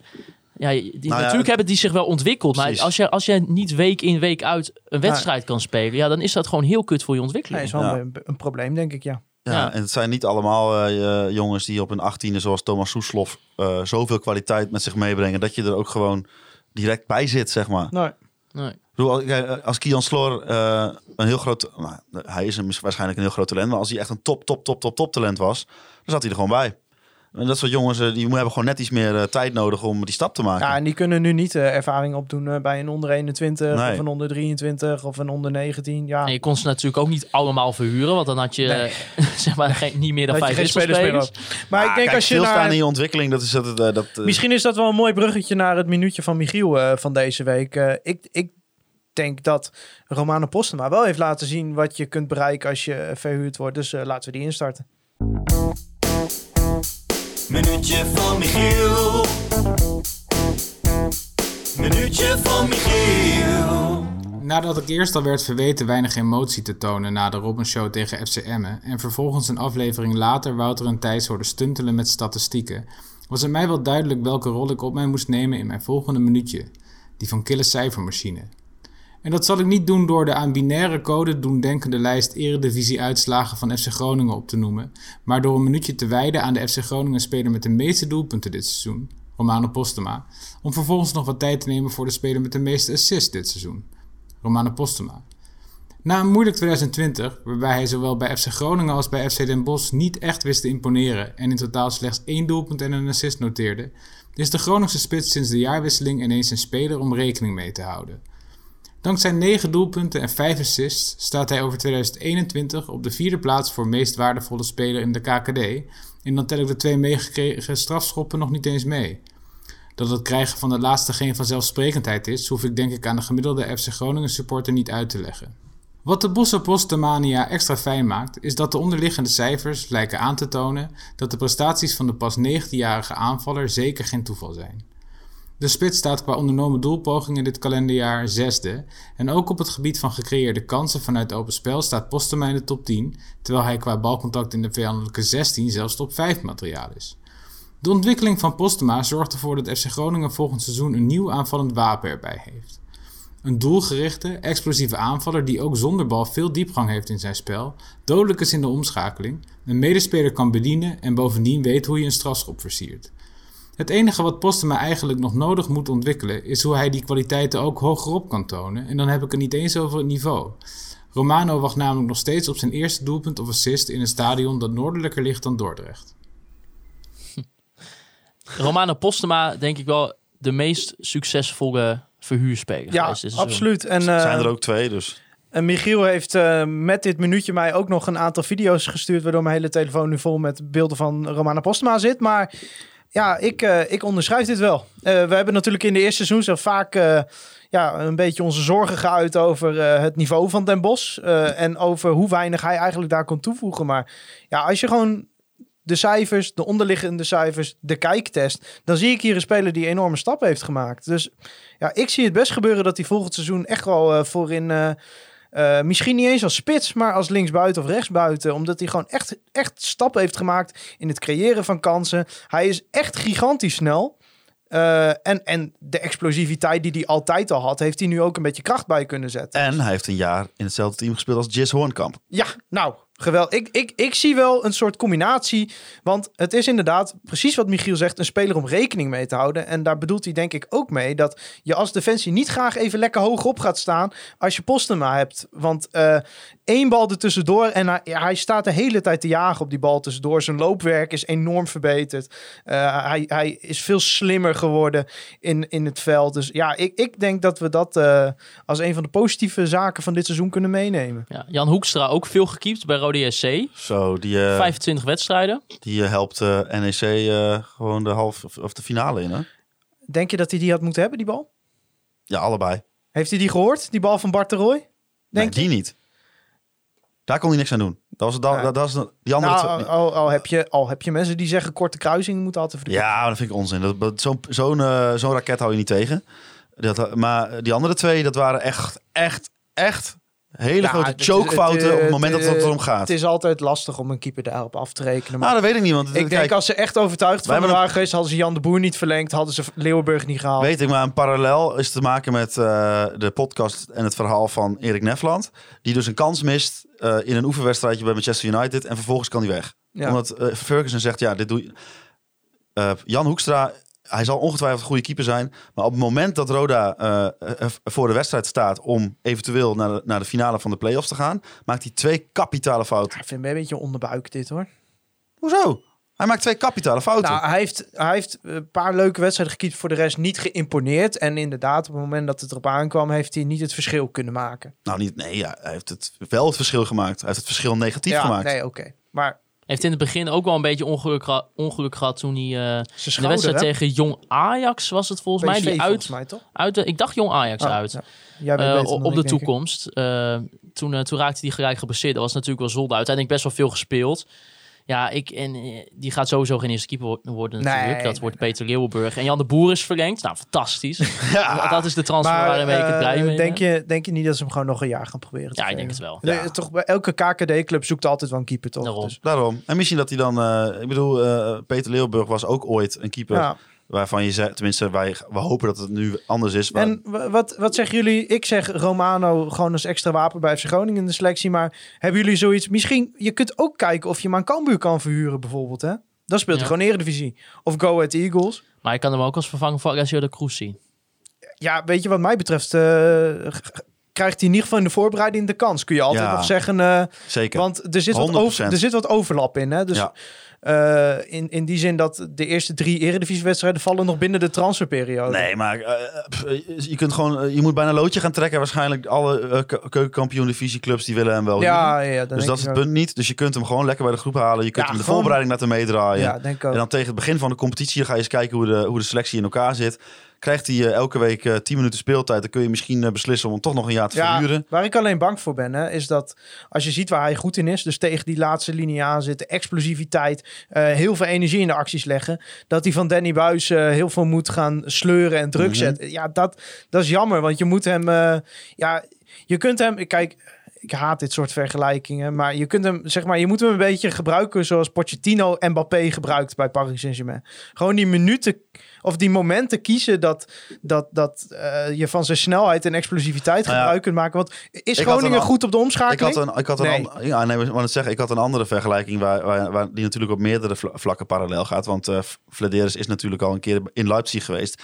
En je zou hem kunnen vergelijken met eh, Timo Werner. Ja, ook. Ja, het is gewoon, ja, Team Wen is wel iets, zeg maar, ik denk dat Postema, tenminste zoals bij Den Bosch, best wel veel creëert ook. Dat valt met Werner wel mee. Maar je zou inderdaad kunnen kijken of je, of je dat samen met Strand Larsen, ja, ik, ik, beetje optimistisch, ik denk dat het werkt. Ja, en vergeet ook niet dat FC in de Bos wel echt een knakenploeg eh, had. Ja. Oh ja? Ja, maar hij heeft wel echt... eh, Waren echt- die slecht dit seizoen? Nee, maar die tweede seizoen zelf... Kijk, het begon met wat intikketjes, maar op een gegeven moment begon het wel echt eh, indrukwekkend te worden. Ja, en eh, misschien dat eh, die zijn ploeggenoot meekomt dan, dan naar Groningen. Wie? Jason? Nou, die is niet goed genoeg hoor. Nee, maar er was toch een keer een gerucht dat ze Felida wilde. Oh ja, dat klopt. Oh, Ja.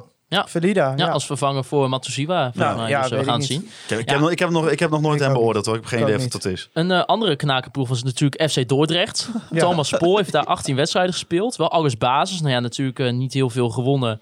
Eh, maakt Concurrentie was ook niet heel nijdend op de linksback nee, volgens mij. Maar kijk, als je natuurlijk in zo'n 18? team komt... 18 wedstrijden, ja. Oké. Dus eh, heb ik verder ook weinig gezien. ja. Ja, ik heb heel weinig niet. gezien. Ik ben er heel af en toe nog wel eens voor eh, Den Bosch gaan zitten, maar voor Dordrecht eh, Kan ik niks over zeggen, maar je hoort wel intern dat ze er meer van gehoopt hadden, zeg maar. Ja, maar toch wel heel veel 90 minuten gespeeld. eh, wel. Ja, Maar ja. Kijk, wat, wat, wat maar kan dat je dan... Dordrecht is geen Champions League, hè? Nee, maar ja, wat, wat verwacht je dan van Thomas Pol? Nee, Ja. oké, prima. Dus, ja, goed gedaan. Ja. ik verwacht niks van Thomas Pol. Nee, Nee. als hij dat alles, is toch en ook, al- maar ook en niet alles, in negatieve zin, zeg en alles maar. wat hij wel laat zien is mooi meegenomen. We hadden ook een lijstje online gegooid, jongens, met een beetje ja, de hoogte- en eh, dieptepunten waarop mensen konden gaan reageren. Ehm, ik heb een lijstje staan. Ik heb ook een beetje uitgepikt wat mensen hebben gereageerd. Ehm, Wouter, de mooiste wedstrijd van FC Groningen in het seizoen 2020-2021. Ja, ik denk toch ehm, de Willem II eh, wedstrijd met de magnetronmaaltijd van Vladeris. En dat is natuurlijk een, een vrij egoïstische... Van Flederis. Huh? A- Adrie Poldervaart.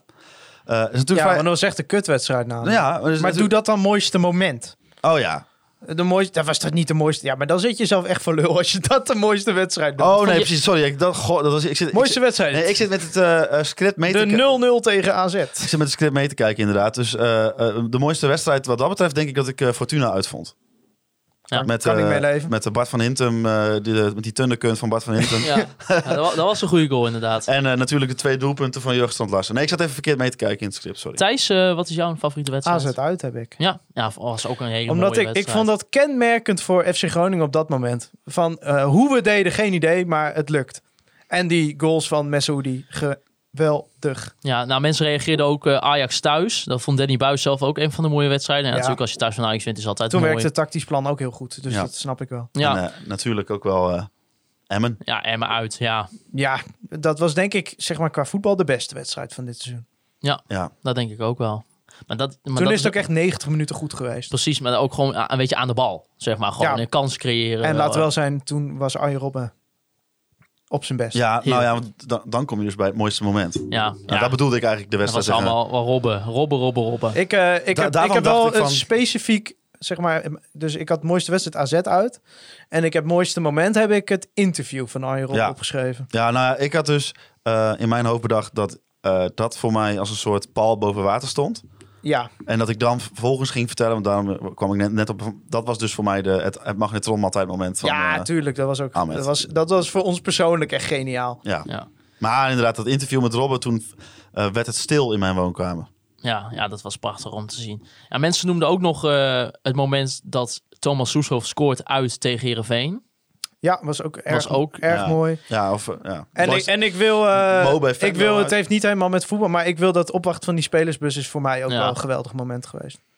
Ja, nee, ja, precies. Waarom hebben jullie mij er niet heen gesleept? Ja, goh, Jos, we hebben heb drie keer tegen je gezegd dat je mee moest gaan. En jij, wou, jij zei ja, ik kom wel. Toen zei je ja, toch niet. Ik ben zo moe. Mie, mie, mie, mie, mie. Ja, huilen, huilen, huilen. Was ik ook echt. Ja, met eh, ben Willem, Willem 2 Echt uit. nep support. Willem 2 uit, waarin je eigenlijk gewoon had moeten verliezen. En dat opeens Alessio de Cruz, bam, balletje eh, op Mo, Mo scoort. Helemaal gekkenhuis. Dat, dat vond ik ook Ja. fantastisch.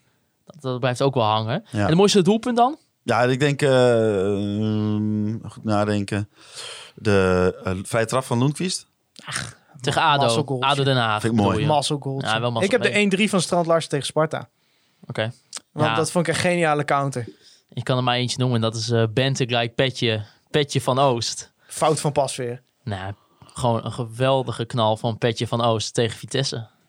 Ja, was een mooie goal. Be- ben- Maar die van El Nou, maar- Koeri uit bij VV ja, was is- ook mooi. ja, in mijn hoofd was de, het eh, schot van eh Dankelui, wat via de onderkant van de lat eh, Ja. in de kruising vloog, eh, het mooiste doelpunt van de week, maar, eh, van het jaar. Maar helaas is dat doelpunt nog- heeft nog nooit plaatsgevonden.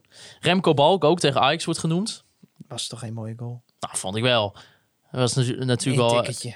Nou, één ticketje. Nee Kom hoor. op, die had jij ook gemaakt. Nee, dat, ik, vond dat, ik vond dat een prima goal. Nou, is goed. Zo'n westerkwartier goal. Ah, da- daarom is hij ook weggegaan. Nou, Mark-Jan Verderes houdt daar niet van. Beste transfer? Ja, Ja, maar dit is ook zo lastig. Wij, wij zaten dit voor te bereiden. Zei ik, wat hebben we in kuttransfers gedaan eigenlijk? ik heb, ja, ja, maar ik het heb- probleem is gewoon dat er bij Groningen niet echt een speler is die echt uitgeblonken heeft dit seizoen, Nee. vind ik. Ja, Nee, Koei maar, Takura, eh, maar goed. eh, op het veld. eh, ja, ik denk Strand, Larsen. La- Strand, Larsen. de lange termijn. Ja, jongens, Eh, Ko was ook een speler die is aangetrokken deze Ja, zomer. Hè? Ah, maar die ik- zat er al. Precies. Op het veld Strand Larsen, maar gewoon als je gewoon even naar het hele plaatje kijkt, is natuurlijk de komst van Arjen Robben. Daar kun je niet omheen. Dat is gewoon. eh, Absoluut. dat heeft dan zoveel invloed. Maar goed, eh, in, in principe zou je, zou je elke, elke categorie zou je Arjen Robben kunnen neerzetten. Behalve Ja. het mooiste doelpunt, want hij heeft niet gescoord. Maar Nee. voor de rest, ja, oké. Grootste verrassing? Ja, Ja, maar ik Mo- denk, dat we Kan daar maar. een, ik denk dat we daar een unanieme ja. El Koeri... Mo El Hankouri. Ja. Maar ja, ja. Ja, Hij, is, hij is letterlijk in deze podcast eh weggehoond. ja zo maar van, ik, ga maar naar ik, een ik andere sta club. ook nog steeds achter de kritiek die ik op Moel en Koeri had. Ja, ik ook. Op dat moment wel. Maar we zeiden het al, hè? De Mo El Kouri fanclub aan het begin van dit seizoen. Ik zag het in de script staan. Ja, en een leden hebben jullie nu. Toen, wij waren er al. Wij waren er al. Ja, ja. dus het is onze verdienste eigenlijk, zeggen we, dat, eh dat kijk, Kouri goede eh, prestaties heeft geleverd. Eh, sommige mensen die eh, hebben, dat, hebben, hebben eh, dat als iemand eh, slecht speelt, dan is hij slecht. Maar ja, ik heb gewoon zo'n ongelooflijk zwak voor de underdog. Ja. En Mo El Hankouri is in dit geval is hij natuurlijk de ultieme underdog. Daarom is hij ook voor Ajax geworden toen hij klein was. Hè? Omdat hij zo'n zwak voor de underdog Ik heb een zwak voor de underdog. Ik word voor de club die altijd wint. Toen Maf- ik voor- Mafkees. Toen ik zo'n zeven jaar droog, maar dan ga ik even verder niet. En Thomas Soeslof. Ook een verrassing. Ja, nou dat weet ik niet zo goed. Ik vind dat een verrassing, dat is niet een Ah, goede... kom op, jawel. Ja, maar het is niet een goede term. De echte jeugdwatchers die zeiden dit al. hè? Precies, want... eh, Als die, ze- als die zijn nee, maar hoofd... kijk- als die in zijn hoofd zeg maar de stap kon maken, dan, dan kon je weten dat dit eraan zat te komen. Maar Nee, maar kijk, voor het grote ik- publiek is ik het wel een denk dat, verrassing. ik denk dat, dat je dan het, eerder het woord revelatie zou moeten gebruiken. Ja, maar dat was geen categorie. Nee, maar hij is niet, voor mij niet een verrassing. Nee, oké. Oké. Maar goed, anders duurt dit nog drie uur als we dit eh, gaan doen. Dus Grootste teleurstelling? ja, ik... eh, nou, weet je wat voor mij als paal boven water staat? Is gewoon, ik heb het al eerder gezegd... Een team waar ik, waar ik me als Groningen supporter enorm mee kon identificeren. En ik heb ze eigenlijk niet gezien in het stadion. Ik heb ze alleen maar op tv gezien. Maar voor mij is de grootste teleurstelling denk ik wel de terugkeer van Mike Twierik. Ja. Maar hij, wordt ook, hij is ook wel een beetje gewoon niet goed gebruikt. Hè, met die Nee, als rechts, maar eh, ja, daar hebben ze hem ook hopelijk niet voor gehaald. Maar ja, ik vind, eh, ik vind nog niet dat hij eh, laat zien een meerwaarde te zijn. Ik vind de grootste teleurstelling vind ik het gebrek aan eh, dat je eh, renderende aanvallers aantrekt. Ja, kun je ook zeggen. Ik bedoel, Alessio de Cruz en Ma- Patrick Joosten, dat, daar hadden we van, van tevoren eh, wel wat van verwacht. Ja. ja, Joosten kan voor mij ook als grootste teleurstelling. Dus ja, maar daar had ik dus niet zo heel veel per se van verwacht. Zeg maar, Nee, dat, dat, Ja, ik bedoel, we hebben- is dat wel een teleurstelling als je het seizoen bekijkt. Ik hoop, Nee, maar nou, ik hoop dat ik de ook Mike. meer Want brengt. eh, Mike Twierik, want daar had je meer van nou, dan heb ik het een beetje met Wessel Dammers. Ja, snap ik Maar ook. waar, ik, waar wel voor geldt dat ik nog steeds denk dat er ruimte voor hem is. Ja, maar kijk, en dat hij het hier goed gaat kijk, doen. Maarten, het is heel simpel. Als wij denken dat hij het goed gaat doen, ook al doet hij het niet goed, ja, dat zie je aan Modan Koeri. Ja. Dan gaat dat komen. Dan gaat het komen. Dus, Dan gaat eh, dat komen. Ja, en mensen noemen ook... En bij Patrick Joosten heb ik er geen vertrouwen in dat het ooit komt. Oh, ik wel. Petje van Oost, zeker weten. Die gaat volgend seizoen vrammen. Kan, hij, moet, hij moet een eigen kledinglijn of zo beginnen. Dat lijkt me beter voor hem. Nee, ja, ja, Petje van Oost ziet er natuurlijk altijd heel goed uit op Instagram als je de foto's bekijkt. Voor de mensen die de- die grap van Hols niet snappen. Nee, ik, eh, Petje van Oost, volgend seizoen 10 doelpunten. Ik en denk, het is wel gewoon een sympathieke gozer. Ja, maar, ja, maar goed, op dat, moment, dat vlak... eh, Ik bedoel, hij heeft nog een kerstboodschap voor ons ingesproken. Daarom Ja, man. Ja man, kom op. Petje van Oost kan niet meer bij ons stuk. Laten we eerlijk zijn. nee, maar hij- was niet zo goed Hij was seizoen. niet zo goed, nee. Nee.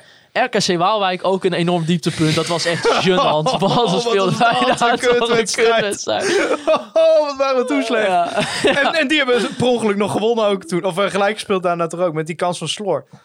Eh, even kijken. Nee jongen, 3-1 verlies man. Ja, El maar dat werd toen daarna 3-1. Maar we maakten 2-1 met Oh. Messehoudi. Oh, die kan... Oh, dat is misschien wel het mooiste goal van dit seizoen. Een schitterende goal. Maar goed, eh, boeien. Ehm, maar toen eh, schoot Sloor daarna nog op de paal. Ja. Maar zelfs die hadden we nog bijna gewonnen. Maar dat was echt een kutwedstrijd. ik, ja. ik had dit lijstje... ver- En ik vond Herenveen thuis ook echt een gigantische teleurstelling. Jezus, die was Ja, ook dat was ook een kutwedstrijd, Ja. ja. Ja, Nou. ik, ik had dit lijstje bedacht en toen kwam ik er dus achter van... Ja, kut, ik heb het mooiste doelpunt bedacht. Dan moet ik ook al die, al die doelpunten zeker gaan kijken. Maar heb ik niet gedaan. Nee, terecht. Nou, het zijn er niet zo heel veel hoor. Je bent Nee. snel uitgekeken. Nou, het zijn er 40 geweest. Ja, Het meeste ooit in een seizoen onder Danny Buis. Ja en... Eh, Waarvan nog- één seizoen natuurlijk niet is afgemaakt. En de, al- en de andere was 39. En het andere seizoen stond je na 10 wedstrijden op 4 punten. Ja, precies. De, eh, ik, ik zag een statistiek dat het volgens mij in 1986 voor het laatst was dat er een club in het linkerrijtje was die eh, minder scoorde dan een degradant. Want VVV heeft meer gescoord dan wij. Heb er ook wat meer tegen gekregen. Eh, ja, In één wedstrijd En, net zoveel als FC Groningen. en die spelen volgend seizoen ook geen Eredivisie. Nee. maar- Weet je wie ook niet in Eredivisie spelen volgens seizoen? Nou. Eh, FCM en ADO Den Haag. Inderdaad. Thijs, eh, Hè? eh, VVV er zit nog wat oud Ja, van Thijs Faber. Ja, van mijn naam bij Dagblad van Noorden. Maar goed, dat is, eh, hoe wordt dat volgend seizoen? Thijs, dat weet ik Want niet. ze hebben geen bestaansrecht meer daar, hè, dat sportkatern. Hebben ze alleen nog maar, hebben ze alleen nog maar artikelen uit de Telegraaf. Want daar staat die krant al vol mee. Ik ben niet Geweldig. zo moe van. hè. Ja, Geweldig. Ongelooflijk. hij kan er... Hij, hij kan er nooit een keer eh, Nee. niet raad, hè? Nee, maar jongens, dit doodt Nee, maar- wel uit met de tijd. Want eh, ze hebben het nu niet. Ik geef het geen zuurstof. Ga maar verder. Nee. Jongens, de conforminder speler van het jaar. De, Dan geef ik wel de zuurstof. stembussen zijn gesloten. Uh-oh. Ehm, het is spannend geweest. Och jongens, wat is spannend Ehm, geweest. Nou, in ieder geval niet voor Azo Matusiwa. Ik heb nog wel kreeg maar die procent van de Ik stem. heb nog wel wat kritiek gekregen online. Vertel. Ja, met, eh, eh, Mo El Ankouri moet natuurlijk winnen van mij. Ja. Ik, ik heb hem Van genomineerd. mij ook hoor. Ja, Van mij ook. ik heb hem genomineerd, maar ik kreeg kritiek van ja, eh, het is toch een verkiezing en dan zit het een beetje te... Dat is onze verkiezing. Dan ga je toch lekker op de Office Center spelen van het jaar stemmen. Ja, dat die is co geworden. Ja, weet je. ja, Een paar van acte zou ik willen zeggen. Prima. Ehm, ja, maar je had ook gewoon je tegengeluid kunnen laten horen dan. Als je zo'n hekel aan Wouter Holsappel had. Nou, dat hebben genoeg mensen, dus dat had prima gekund. Daarom. Nou, in ieder geval... eh, Alle ja, mailtjes over deze verkiezingen mogen naar klachten.conforminder.nl en dan doen we er niks mee. nee, ehm, ja, Azo Weer een Matusiwa, automatisch jongens. mailtje eh, terug laten sturen. Azo Matusiwa, jongens. eh, we hadden hem nog even genomineerd. We hadden hem eigenlijk er niet bij staan. Nou, nu snap ik ook waarom. Want hij kreeg maar 3% van de stemmen. Ja, Nee, maar kijk, dit is eigenlijk waarom ik dit een goede, eh, eigenlijk de beste eh, eh, prijs vind die je maar kan winnen. Want de beste speler van FC Groningen kun je objectief gewoon niet. Dat kan niet. Want Pat heeft weergeloze reddingen gemaakt. Eh, heeft Groningen keer op keer in wedstrijden gehouden. Onvoorstelbaar belangrijk. ik, ik denk Azo dat mensen Matusiwa- snappen waar je heen wil. Azo Matu ja, maar daarom. ik, ik, ik kijk op de klok, we zijn er ongelooflijk Azo aan bezig. Matusiwa heeft. eh, Want als je, ja, en, als ja, cement Robben het is elftal. teruggekomen en heeft Robben. geknokt. Ja, ja, ja, ja. maar ja. er kon veel Heeft minder speler van het jaar. Kan Ja. er maar één zijn. Ja, en maar ja, we gaan nu kijken of het hem ook is geworden. Maar Ja. Maarten heeft de uitslag voor zich. Ja. Hols en ik weten het nog niet. De winnaar ehm, heeft 40%, Wij hebben ook geen tussenstanden Procent. gezien, hè? 40,4% van de stemmen gekregen. De nummer 2 had er maar liefst 38,9. Dus het zat dicht bij elkaar. En hoeveel stemmen zijn er in totaal uitgebracht? Eh 473. Schiet even op, de dan? worden lam. Het ging tussen Mo en Co. Ja, jongens, en het is geworden Mo El Hankour. Ja! Hey, hey, hey, hey, El Barbiro, de barbier van de Bauma Boulevard. En ja, ik denk dat we hier allemaal achter kunnen staan. Die Ja. heeft zo'n geweldig seizoen gehad. De ontwikkeling van deze jongen is ja, geweldig geweest. Is, is, werd eigenlijk uitgekotst, laten we eerlijk zijn. En heeft zich eh, ja, tot, Opgericht. ja, het staat een beetje symbool voor, voor, voor dit elftal, vind ik zelf. Ja, zeker. Dus ehm, ja, eh, hoe we de beker aan mogen geven, dat weet ik niet. Maar misschien moeten we hem even een berichtje Maar je zult maar Instagram. jeugdspeler zijn en het loopt allemaal even niet. En, de en ze zien het niet in je zitten en het is dit en het is dat. Je hoeft maar naar, zo, naar Mo Ankouri te kijken om te zien dat als je gewoon keihard blijft, blijft, blijft knokken elke dag, dat je gewoon aan het eind van het seizoen de held van het team kan zijn. Ik ben zo blij dat die gigantische beker van ons naar uh, kan die, eindelijk- kan die eindelijk uit mijn vensterbank? Ja, ik ben er zo blij mee. We moeten eigenlijk nog even een plaatje erop laten zetten met de Mo. Ja, gaan we zeker ja, doen. Dus eh, ja, en dan... eh, En dan het volgend jaar, ik denk dat hij nu zo op vakantie gaat. Maar dan aan het begin van het seizoen dan eh, proberen we even een eh, meeting met hem eh, te fixen. En dan eh, hoop ik dat hij een groot appartement heeft in Groningen waar die beker rechts kan staan. Want ja, daar heeft hij een extra kamer voor het, is nodig, geen- ja. het is geen ontbijtpotje. Nee. Nee, laten we eerlijk zijn, Ludo Vidrijs is wel een beetje benadeeld. Want die kreeg, die kreeg echt een kutschaaltje. En Mo die krijgt echt zo'n gigantische beker in huis staan. Dus eh, nou, in ieder geval, dat wordt helemaal top. Mensen konden ook een, eh, hun e-mailadres achterlaten voor het boek van Erik Nefland. Nou, nu heb ik even een rad van fortuin gemaakt. Dus ik ga nu even live, gaan we de winnaar kiezen. Het zal ook nog op de socials komen. En diegene Niet het volledige e-mailadres noemen, gewoon de naam. Nee, nee, nee, nee. nee. Anders krijgen we eh, gedoe met de AVG. Nee joh, niet bij deze podcast, rot op. Even kijken. En de winnaar is... Nu hoop ik dat er niet zo'n moeilijke e-mailadres is. Oh, waarom krijg ik... Oh ja. Ja, ik heb geen idee. Maar hij heet, eh, het is Woef Mets. Woef Mets! Ja, Woef Mets. Hey, gefeliciteerd! Dus die krijgt het boek eh, van Erik Nefland eh, opgestuurd. Ja, dan gaan we richting het seizoen 2021. Oh, gaan we dat ook nog 2022. helemaal voorbeschouwen? Of? Ja, ja. Ja, ja. Nee, ja, we kunnen het wel een beetje hebben over, over de selectie in het zin van hè, Mark-Jan Verderes. Hij heeft uiteindelijk natuurlijk gelijk gekregen, want we zijn op de zevende plek geëindigd. Ja. Toch zeg jij Thijs, als je nu die lijst ziet met aangetrokken spelers. Het is wel heel veel lange termijn aankopen. Het is wel lange termijn aankoop. Waarom heb jij zes uitroeptekens achter Jan de Boer blijft gezet? Omdat het gewoon, ja, dat is toch kult. Jan de Boer die wou weg. Wou die weg? Nou, nou, die wou wel speeltijd ergens krijgen. Nou, dat is, ik denk dat, ja, ik weet niet Misschien of ziet hij hier wel speeltijd. Ja, ja, Nieuws voor jouw Fokkert-campagne. Ja, Maarten Voor de- de Fokker, dat wordt hem niet meer. Dan denk wordt ik. het niet Nee. meer. Ja, Jan de Boer, eh, ik heb hem nog nooit in actie gezien. Eh, ja, maar gewoon een aardig ventje, man. Dat is toch mooi? Ik- ken je hem? Huh? Ken je hem? Nee, maar dat zie je, kan je toch Maar hij heet gewoon wel de boer, dat vind ik wel Ja, mooi. toch wel- Ja. Jan de Boer bij FC Groningen. Heeft wel voor Heerenveen gespeeld. Is een beetje jammer. Ja, Ja, maar hij is natuurlijk geweldig voor de quiz over tien jaar. Hè? daarom. Ja. Ja. Want ja, die gaat natuurlijk geen minuut spelen voor ons seizoen. en, eh, maar hij wil blijkbaar de strijd Nee. aangaan met onze nieuwe keeper Peter Leeuwenburg. Per Christian Bradfight, die is Ja. geweldig voor de quiz. Ja, ja. ja. Pecco Nino. De do- ja, donuts. we hadden donuts gekocht eh, voor de opname. Hè. Pecco die post altijd op Twitter, eh, als hij de nul heeft gehouden, een emoji van de donut. Ja, Ja. nou heeft hij niet hoeven doen. Weinig Twitter-actie van, eh, van Pecco dit afgelopen half jaar. Jammer. Weinig actie überhaupt. Weinig actie, wauw. Die heeft een paar Ah. ballen tegengehouden van Sascha Mart. En Ja, daar was het bleef er wel bij. Nou, wat ik heb gehoord, heeft hij geen eh, onuitwisbare indruk eh, achtergelaten. Nee, Nee, dat denk ik ook nee. niet. Ja, en we hebben Casanvillo binnen. Michael Nou de ja, Leeuw komt eh, terug. Ik zat dus vanmorgen zat ik, eh, even weer op de bank met een telefoon in mijn hand. En eh, ik even mijn Insta-stories eh, openen. Ik klik weer op het Insta-story van Peter Leeuwburg. Ik zie een autostuur. De camera gaat omhoog. Een gigantisch stadion. Dat is echt, dat, die, die, die traint gewoon in een leeg stadion van 60.000 Ja, die, man. gaat, die gaan nog spijt krijgen als hij hierheen komt. en dat zet hij elke dag op zijn Insta-story. Ja, ja, geweldig. En straks dan zit hij eh, de A7 te fotograferen. Ja. Ja. Ik ben wel benieuwd ook naar Radinho Balker. Ja. Ehm 15 wedstrijden gespeeld voor Almere. En dat, is- ja, dat is eigenlijk niet veel. Ehm, als je kijkt dat hij volgens Transfermarkt dan in ieder geval... dat hij wel vier keer eh, geblesseerd is geweest. maar de spierblessures? Ja, ik zag een liesblessure staan. Maar kijk, weet je...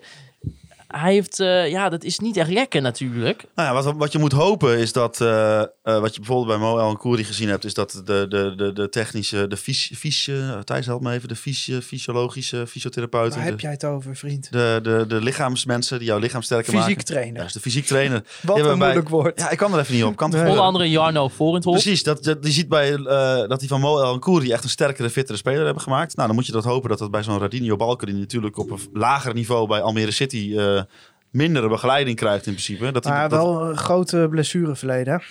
ja, nou ja, hopelijk dat het in Groningen kan Net als. Gudmundsson en Joosten. Ja, en jongens, eh, hij is nog in één keer te sprake gekomen. Niklas Stroen-Jacobsen heeft ook gewoon Ja, waar een- is hij? Ja, die is bij SBR en die heeft Ja. zelfs eh, nog meegespeeld voor promotie. Zo. Eh, het is er niet gelukt. Ai. 26 wedstrijden gespeeld wel voor, eh, voor SBR. Hij is verhuurd, kan hij nog terugkomen? Ja, hij is verhuurd. Ja, hij is wel aankoopoptie van, van, de, van de club. Ja, die heeft gewoon nog een contract tot 2023. Dus die, die kan hij gewoon nog twee jaar spelen. Ja, ik ben een keer in Epsberg op vakantie geweest. Nou, en was dat wat? Zou je, daar, zou je zeggen, nou, dan, ik wil daar wel heen? Ja, het is een beetje ruraal, maar voor de rest, eh, ja, prima. Ja, en Gurkum Chan vertrok ook. Ja. Ja. O- ook blijkbaar niet echt een... eh, Die vertrok. ja, Ja. die vertrokken. Die Ja. hebben we ook nooit gezien. Nee. Nee. Ja, Jols, je hebt ook een lijstje staan. Ja, Amir Absalem heeft een, is natuurlijk, die heeft echt voor, voor zijn doen gewoon een geweldige stap gemaakt. Ja, die was in die allerlaatste wedstrijd ook Die niet was best. niet goed tegen NEC. Nee, nee, da- ja, dan moeten we ook eerlijk zijn. goed seizoen, go- goed seizoen. Ja, ik vond hem- na die wedstrijd eh, daarvoor was hij geweldig. Maar de, de laatste wedstrijd tegen NEC Nee, was, eh, nee, nee, nee. was niet. nee, Was niet nee. nee. Nee, en we gaan nog dus één podcast maken. Ja, 5 juli. gaan we al verklappen met wie? Of eh, wil je dat geheim houden? is wel leuk om aan te Ja, kondigen. is wel leuk om aan te kondigen. Want wij gaan weer on tour. we gaan on tour. En we gaan En, uit- en een Hey, maar, eh, tyfe zijn het ook. Ja, want we gaan het uiteindelijk toch niet eh, met de trein. Dat was een beetje het plan. Nou, nee, wel. nee, we gaan wel met de trein. We gaan toch met, met de auto? Nee, Ja, dat is nog niet dat zeker. is nog niet zeker. God, ik hoop het wel. Want anders zijn we, anders zijn we bij misschien elkaar wil- negen uur misschien wil- onderweg. Ja, nou goed, laat ik maar. Wie wil ons een auto sponsoren Ja. voor een dag? Wie wil onze Info auto sponsoren? Want wij moeten namelijk naar Hellevoetsluis. Je spreekt in één keer goed uit. Want Ja, ik, dat zeg, vind ik ik, knap. ik heb denk ik mijn hele leven Helle Vloedsluis gezegd. Maar het is dus Hellevloedsluis, Helle, Helle Hellevloedsluis. Voetsluis. Hellevoetsluis. En dat kan maar één iemand zijn. Ja, Adrie Poldervaart. Adrie Poldervaart. Adrie vroeg aan mij van... eh, ik vroeg van, eh, laatste aflevering van het seizoen, ik met jou opnemen. Moet ik dan helemaal naar Groningen komen? Vroeg hij. ja. Want hij, hij is natuurlijk... moet je even naar Groningen komen? Daar is hij weer. en ik dacht van, eh, zonder met jullie te overleggen, dacht ik van... Ah, het zou best wel leuk zijn om het een keer andersom te doen. Want hij is natuurlijk het hele jaar hier geweest. Hij is hartstikke druk geweest. Elke dag van 7 tot 11 met die club Ja, bezig toen heb jij geweest. mij ge- gebeld, eh, vrijdagavond, zaterdagavond, Ja. vrijdagavond. Je zegt, Thijs, heb jij 5 juni iets te doen? En ik denk, nou ja, in principe niet. Ja, want dan gaan we naar Hellevoetsluis toe. En ik heb toen, ik denk, oh, ligt in de buurt van Rotterdam. Dat is nog wel een beetje in de buurt. Ik heb ja gezegd. En ik s'avonds op eh 9292 kijk. Dus 4,5 uur met de trein. Ja, je kunt maar tot Rotterdam met de trein. Dat is ook nog een, Ja, een en probleem. twee bussen en een tram en nog een trein. Nou, Misschien wil Adrie ons wel ergens op, oppikken. Nee, wij moeten gewoon een auto hebben die dag. Ja, we gaan wel een auto. Heb jij nou een auto verhuurd? We noemen je naam in de hele podcast 18 keer. Rijden ze nog steeds allemaal in de Mercedes eh, bij, het, eh, bij FC Groningen? Van Wensink? Ja, volgens mij wel. eh, oh, oh, oh, die naam noemen we pas als we er een krijgen. Oké. Voor één dag, hè. We hoeven geen hele Mercedes. Dus eh, die aflevering komt er volgende week zaterdag. eh, Heb je een auto? Mail dan naar thijs.kvmmedia.nl Of info.conforminder.nl. dat of ik ook. heb een auto.conforminder.nl. Het komt allemaal aan. ja, en, en wat we in de zomer gaan doen, ja, dat, dat weet je bij ons natuurlijk nooit. Eh, soms zeggen we van, nou, we gaan kijken niks doen. En dan komt toch weer Conforminder de zomer door. Conforminder in actie hebben we gedaan natuurlijk. Conforminder blijft thuis. Conforminder blijft thuis. eh, Zo gek kun je, kunt het niet zo gek verzinnen en wij doen het. Nee, een Nee. jubileum komt er natuurlijk nog Ja, aan. daar gaan we wel iets mee doen. Dus, eh, en, maar kijk, weet je, dat jubileum duurt natuurlijk ook wel een jaar. En dat heeft Wouter Gudde ook gezegd van do- door het hele jaar heen willen dingen gaan doen. Dus het kan ook zijn Ja, dat we dat een beetje het jaar eh, verspreiden. Mochten mensen ideeën hebben, mag Ja. ook naar Ja, Maar, ja eh, of en zet kunnen we- op de socials. En eh, kun, nou, wij zijn nu ook drie jaar bezig. Kunnen we dit nog een jaar? Of, eh, Daar En we moeten stoppen we, ermee. daar moeten we het nog maar even over hebben. ja, volgens mij ook. Ja. Jawel. ja? Ja, kom op, we gaan nu, dit gaan we de rest van ons leven doen. Mensen zitten al te wachten op seizoen 80. Maar Maarten, als jij over eh, tien jaar eh, perschef bij FC Groningen bent, kun je, kun je dit niet meer maken, hè? Hè? Dat is een beetje Nee, gek. Als dan, je, eh, ja, weet ik veel, dan, eh, Dan gaat hij ons tegenwerken. dan verkopen we het platform. dan verkopen we gewoon het platform. ja, lijkt me goed aan, aan, aan jonge studenten van de Ik- jonge ik- studenten. vol- volgens mij is, En dan de- een of andere volgens mij is deze podcast op, langzamerhand op zijn einde aan het raken. Ja, want hoe lang hebben we opgenomen? En nou, eh, ongeveer 1 uur en 23 minuten. I- Ergens. Oh. Want, ligt eraan of ik er nog wat uitknip. Mocht je denken van, nou, ik kan er nog steeds niet genoeg van krijgen, kan je ook nog een hele lange podcast met Erik Nefland luisteren. Van, Neem eh, ook eens een kijkje op onze website, conforminder.nl. Ja, maar die aflevering met Neverland, eh, eh, die is wel heel lang. Die is vrij lang, ja. Ja, die is vrij Ja. lang, maar dat, dat mag toch ook als de grootste publiekslieveling ooit van FC Ja. Groningen komt. Of, of mocht je het gemist hebben, we hebben ook nog ergens een hele leuke aflevering met de Noorse spits van Ja, FC Groningen. Jurgen nou, Strand Larsen. Eh, Maarten was Is net met zijn afkondiging begonnen. Is, is overigens in het Engels. Dus eh, sommige mensen zullen dat iets lastiger vinden. Dat begrijpen wij volkomen. Maar ja, we moesten toch een keer in het Engels. En misschien gaan we het nog wel vaker Jij zegt wel doen. we, maar jij was er helemaal niet bij, omdat je geen Engels kan. Ik was er zeker wel Ik heb bij. jou deze podcast een Engels woord. Ik heb je er toen niet op gepakt, maar die, dat sprak je ook weer zo gênant uit. Dat Wat ik, dan? Ja, volgens mij zei je biased, maar jij zei biased. Biased. ja. Nou, ik Nou. ben dus biased. Biased.